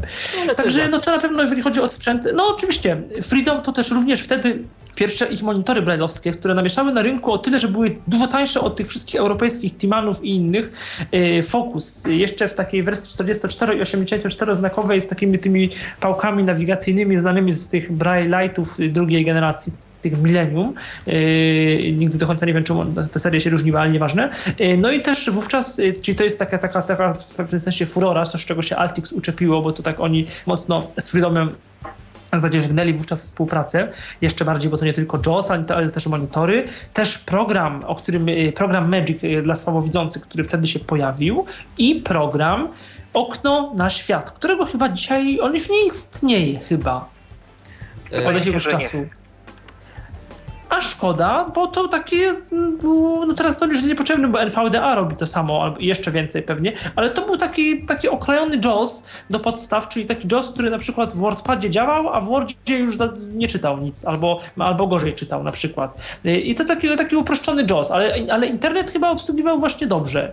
I wiem, że on, nie wiem, jakieś 1000 zł chyba kosztował. On był przede wszystkim właśnie do internetu, do takiej, do jakiejś tam poczty chyba, do takich najpopularniejszych rzeczy. Do tych lektorów pewnie go dawano, do tych multilektorów podejrzewam i to całkiem, całkiem szkoda, że to rozwiązanie zostało, zostało zaniechane, tak myślę. No i wtedy też JOS się pojawił, już w sierpniu była beta, JOS 5.0 się pojawił ze znacznikami www, y, czyli z możliwością oznaczania miejsca na stronie, do którego łatwiej wrócić i z rewolucyjnym, oni to bardzo promowali. U nas to nie miało takiego znaczenia, myślę, bo y, te syntezy nie były wielogłosowe, y, ale mam na myśli menadżer mowy i dźwięków. I, Czy ktoś, ktoś z Was korzysta z niego? Ja nie korzystam, a ty Krzysztofie? Z tego, bo nie... z menedżera mowy i dźwięków. Z menedżera mowy i dźwięków w JOSie. E, nie, nie korzystam.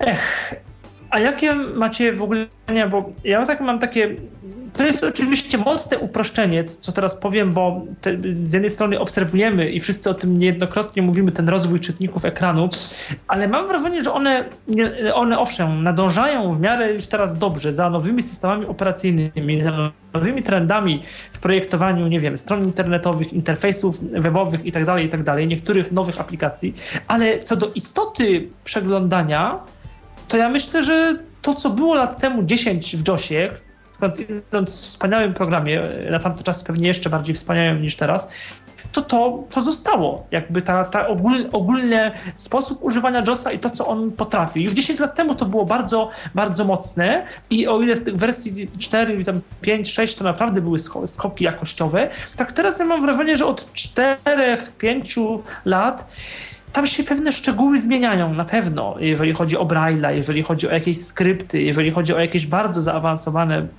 kwestie w Office, ale tak ogólnie dla, większo dla większości użytkowników, no to tych, tych funkcji jest na tyle dużo, że to, to, z czego korzystamy jest niezmienne w zasadzie od lat. Y, tak, zgadza się. I poza tym jeszcze ja mam takie wrażenie, że czasem producenci programów odczytu ekranu, y, szczególnie tych komercyjnych, bo, bo NVDA to musi się bronić. Tak, musi się bronić, ale mm, producenci programów odczytu ekranu dodają takie funkcje, żeby po prostu coś dodać, a niekiedy ma to średnią wartość dla takiego końcowego użytkownika. Oczywiście, no, ktoś tam może coś znajdzie w tym istotnego, ale ja bym wolał, żeby na przykład w programie komercyjnym poprawiono odczyt różnych rzeczy w internecie, na przykład, czy współpracę z różnymi jakimiś tam nowymi technologiami, y, niż dodanie y, takiej funkcji czy innej, która umożliwi mi konfigurację jakiegoś tam parametru y, jednego albo drugiego, mm, nie wiem, kolejności odczytu takich, a nie innych rzeczy, albo na przykład y, wyrzucenie jakichś tam rzeczy z odczytywania. To jest oczywiście ważne, ale wydaje mi się, że są rzeczy ważniejsze. A mam wrażenie, że trochę y, producenci, tak samo Freedom, jak i GW Micro rozmieniają się na drobne i to jest takie trochę maskowanie tego, co, y, co rzeczywiście jest niezbędne. To znaczy, ja mam takie takie wrażenie, że generalnie sprzęt i oprogramowanie dla osób niewidomych, słabowidzących, ten rozwój się wyhamowuje.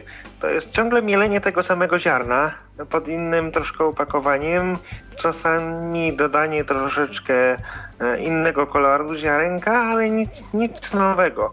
E, przyczyn jest na pewno kilka, ale jedną z przyczyn na pewno jest to, że coraz więcej urządzeń jest uniwersalnych, czyli dostępnych nie tylko dla ludzi zdrowych, ale również z niepełnosprawnością.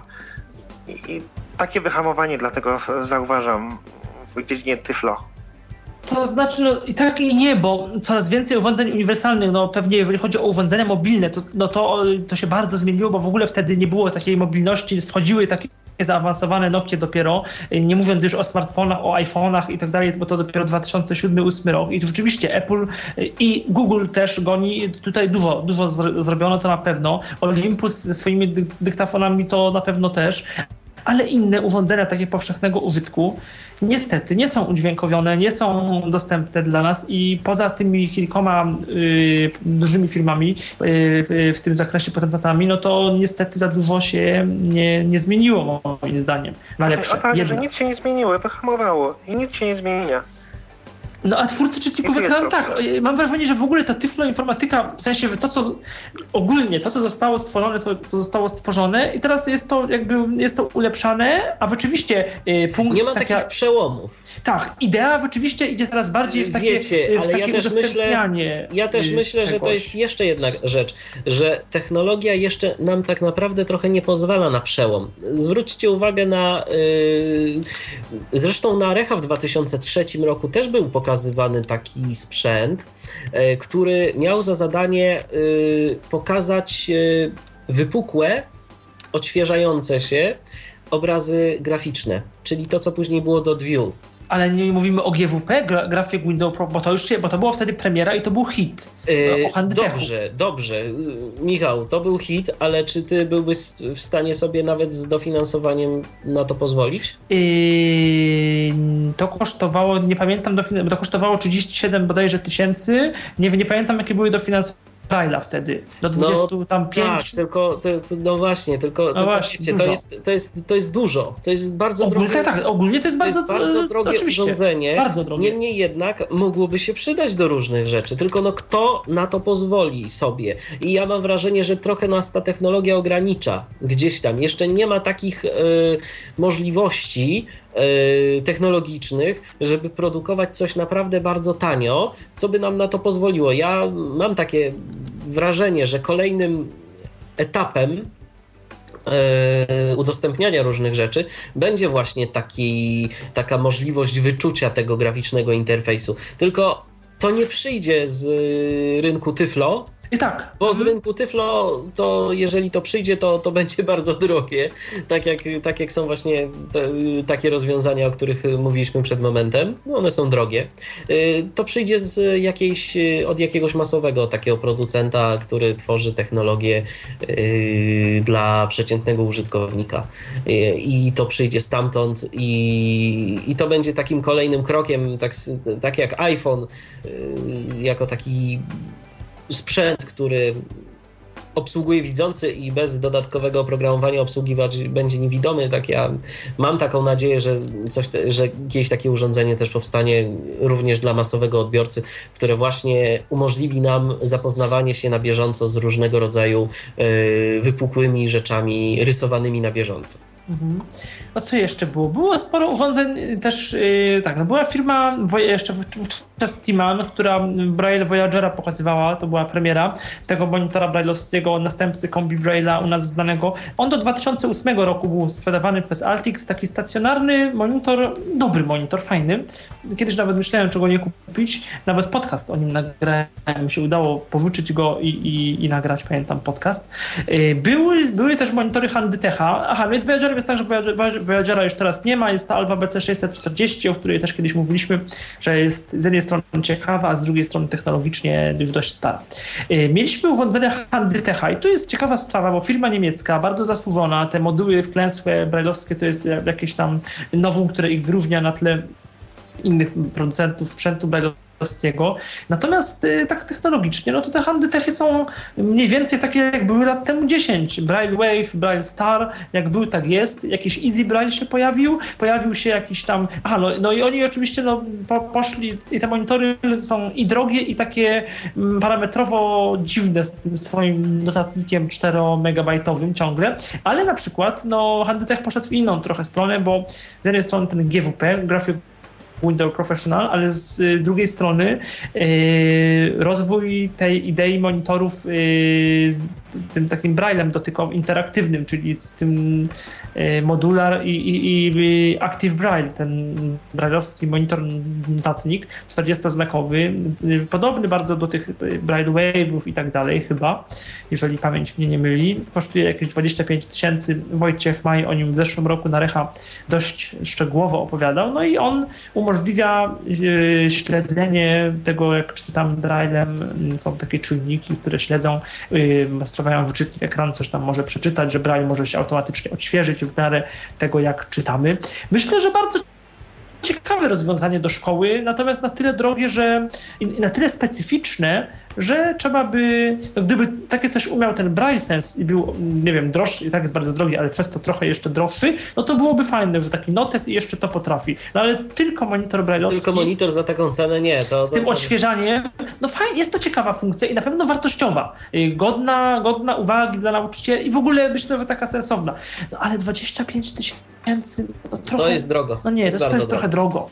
Jak tylko na 40-znakowe, jeszcze gdyby on miał jakiś notatnik taki, y, nawet gdyby on nie miał tego udźwiękowienia, ale to trochę fantazjuje, ale miałby notatnik i jakąś kartę, że nie wiem, jakieś oprogramowanie brailleowskie tylko, ale że można by to z siecią połączyć, nie wiem, przez LAN albo przez Wi-Fi, przez Dropbox, no przez coś tam i nie wiem, te notatki gdzieś przesłać, coś, coś zrobić, no to można by mówić, o, też fajny dla osób głuchoniewidomych, taki stricte brailleowski notes, ale no, chociażby wnętrze ma takie porządne, jak tam te, no chociażby jak te, nie wiem, wiem, Braille Sense może trochę mniej, mniej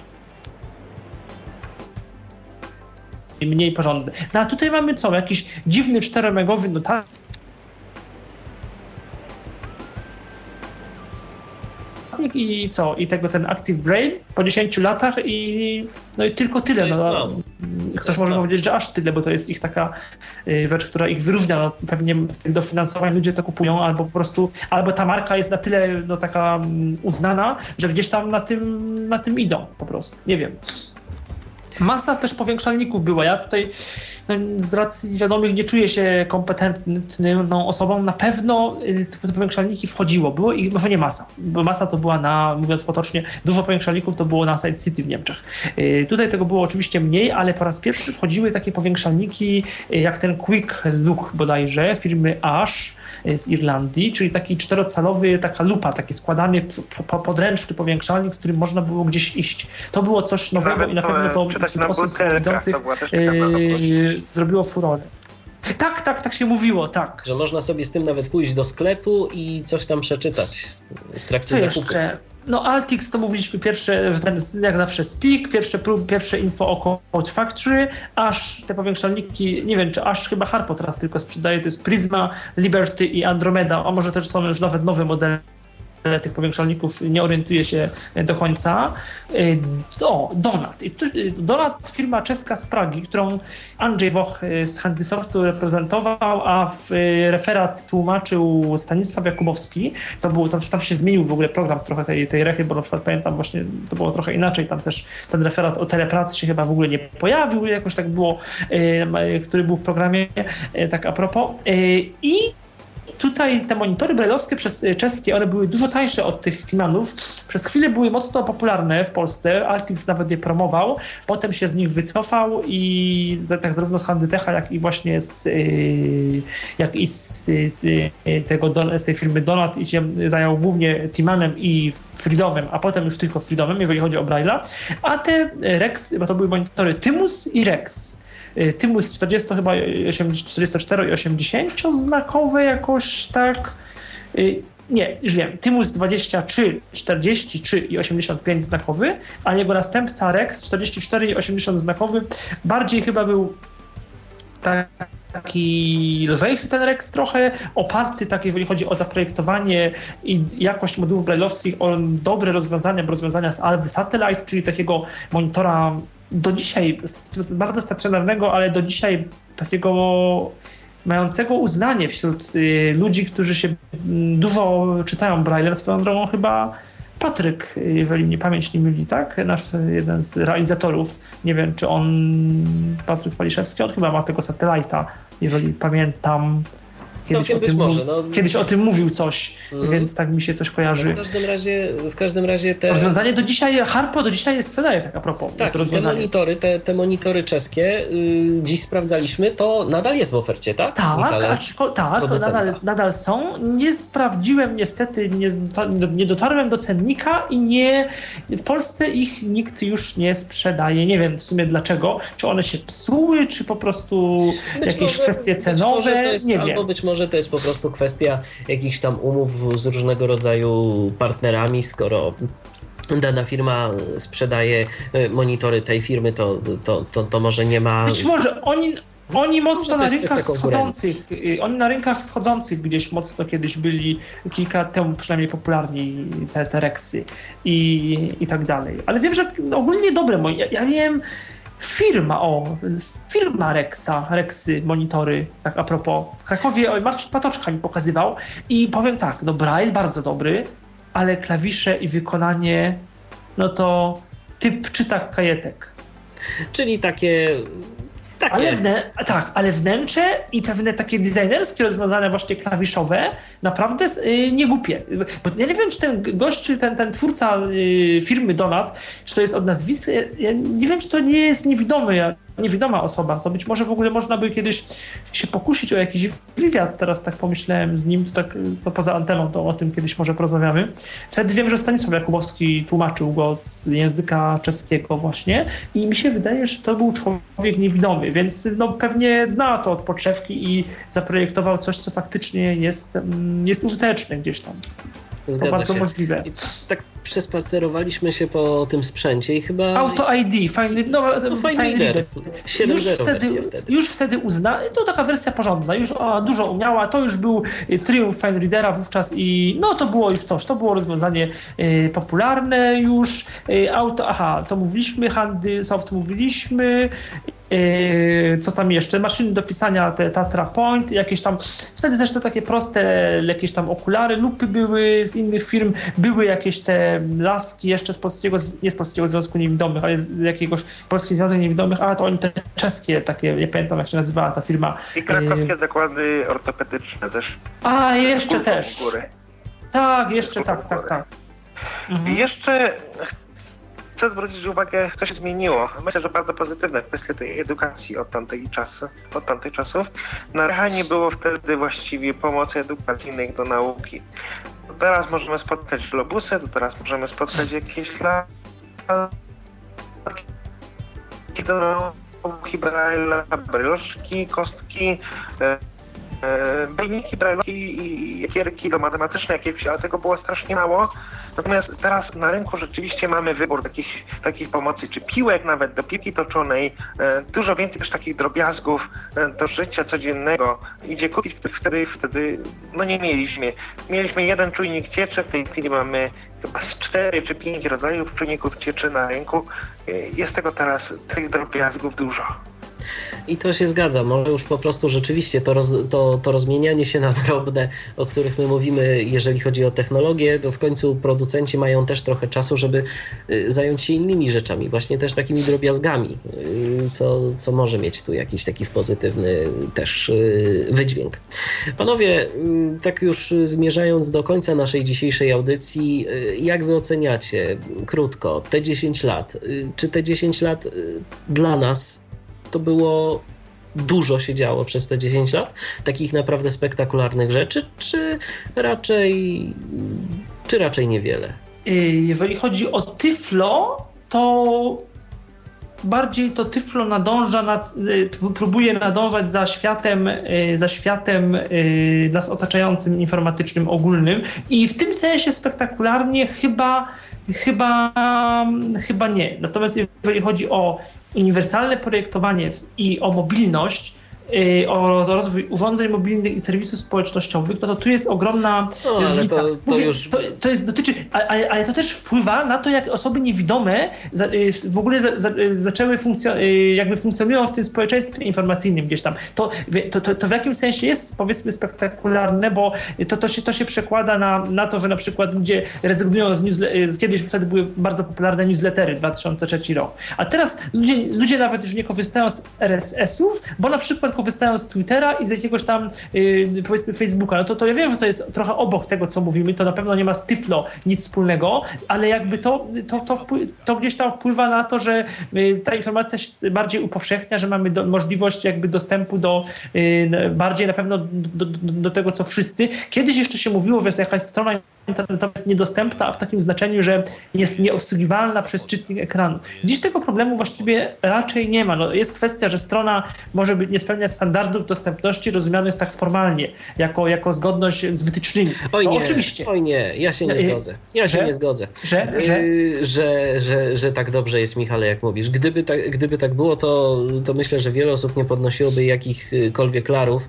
Y, To w momencie, kiedy. I tak, ale to są szczegóły. Natomiast chodzi o to, Tak, że jest dużo takich stron internetowych, których nie jesteś w stanie skorzystać. Kiedyś było, przepraszam, że wchodzę w słowo, kiedyś było sporo stron, na które wchodzisz i nic. I musisz pytać, co jest na tej stronie, bo nie jesteś w stanie kliknąć, nie jesteś w stanie zrobić nic. Teraz takich stron, Co, mi się y- wydaje, gdzie nie jesteś nic w stanie zrobić, jest mało. Może ja to bardziej przeżyłem, bo ja korzystałem dość długo z webformatora i z Outspokena. Może to to jest mój jakiś tam, ale nawet z tym JOSem w 2003 roku to jeszcze było sporo stron tylko we Flashu i koniec.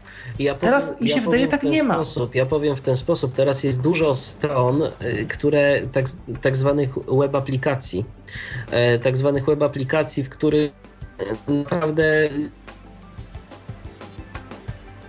naprawdę podam jakichś, jakichś konkretnych przykładów, teraz tak, teraz tak z pamięci i czego ja nie jestem w stanie z, z tym zrobić. Natomiast no niestety ta technologia, która jest, ta technologia przede wszystkim dynamicznych, od, dynamicznych odświeżalnych e, to stron www, to, jest, to jest problemem i, i wcale bym nie powiedział, że jest mniejszy niż kiedyś, bo kiedyś mieliśmy problem z obsługą statycznych stron nawet, które gdzieś tam były zrobione we Flashu, ale teraz poszliśmy o krok do przodu i technologia też poszła o krok do przodu. Gdybyśmy teraz mieli technologię taką do obsługi tych stron sprzed 10 lat, mm, to bym się zgodził. A niestety tak nie jest. I, I problemy nadal są, i czasem okazuje się, że wiesz, że możesz przejść przez jakiś tam proces i na przykład polec na ostatnim kroku w którym tak, nie masz prawda, dostępnego bo, bo nie możesz kliknąć tak, zatwierdź. Tak, tak, dokładnie. I niestety to nadal jest. I to, ja bym tego nie, ja tego bym nie bagatelizował, bo to nadal są poważne problemy. Więc, A ja jednak tutaj jest pytanie. Było opisywanie, jak co w tych 10 latach spektakularnego? No słuchamy Cię Krzysztofie. Tak. Co w tych ostatnich latach spektakularnego? Ja jednak uważam, że zdarzyło się że kilka, może nie nazwałbym je tych rzeczy spektakularnych, z perspektywy czasu mogą nam się wydawać śmieszne, ale samo wejście syntezy z głosami ludzkimi to był jakiś przełom, Drugi przełom, e, który bym wymienił, to to, że właśnie te urządzenia e, powszechnego użytku stają się dla nas dostępne, czy dyktafony, czy, czy, czy smartfony. Trzeci przełom i ważna rzecz dla nas niewidomych, jaka się zdarzyła, czyli technologia bezprzewodowa wykorzystywana do Braille'a, e, czyli monitory brailleowskie bezprzewodowe łączone z urządzeniami powszechnego użytku smartfonami. Kolejna rzecz, która na polskim rynku się zdarzyła ważna dla nas niewidomych, to jest to, że oprócz tych czterech firm są kolejne. E, ten rynek mm, Oj, niestety. Oj. Mamy problem, mamy problem techniczny, jeżeli chodzi o Krzysztofa. E, techno, technologia, mimo tego, że po 10 latach, to, to nadal niestety stwarza nam problemy. Dobrze, więc ja myślę, że będziemy, Michale, powoli kończyć tę naszą tak, dzisiejszą 10 lat temu Skype, Skype już był, ale dopiero od kilku miesięcy. Pamiętajmy tak, o tym, że tak. dopiero Skype się pojawił. Wróciłem. O, wróciłeś. No to, to, to Krzysztofie jeszcze dokończ. Znaczy ja już byłem właśnie na końcu swojej myśli, Aha. że że, że, że, że, że to są to takie moim zdaniem jednak ważne kroki milowe. Dobrze, to to no i też krok, krok milowy, też mimo wszystko yy, dość niszowy, ale istotny. Komputery, nie tylko Windowsy, y, komputery Apple dostępne dla osób yy, niewidomych również poza Stanami, bo są do tego syntezy wielojęzyczne. To jednak jest mhm. dość ciekawe, że możemy y, nie tylko Windowsa mm, używać. No i gdzieś tam jeszcze rozwój to, Linuxa, no niestety tak, który, do którego ja mam duże wątpliwości, ale to, to może e, e, na inną, na inną dyskusję.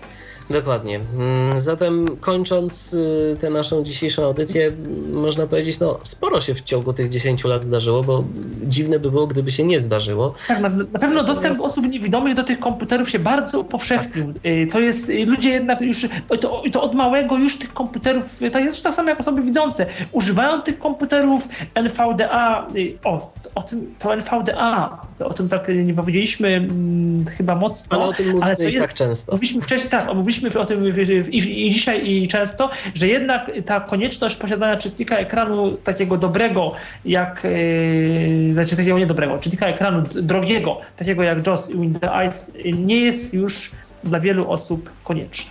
Zgadza to się. Jest, to jest duże novum. Jednak. Ja słyszę, że, ja słyszę, że łącza nam się, które bardzo słyszę, że łącza nam się, łącza nam się trochę, trochę tu gotują. Nie wiem, czy tylko u mnie, ale generalnie to jest chyba już jakiś po prostu znak, że, że powinniśmy już y, tę naszą audycję dziś zakończyć. Braille potaniały bardzo. No tak, braille potaniały, to się zgadza. Y, niemniej jednak jeszcze mogłyby stanieć, bo to nadal... O, oczywiście. Tak, to, to nadal bez, bez dotacji ciężko sobie by było na to pozwolić.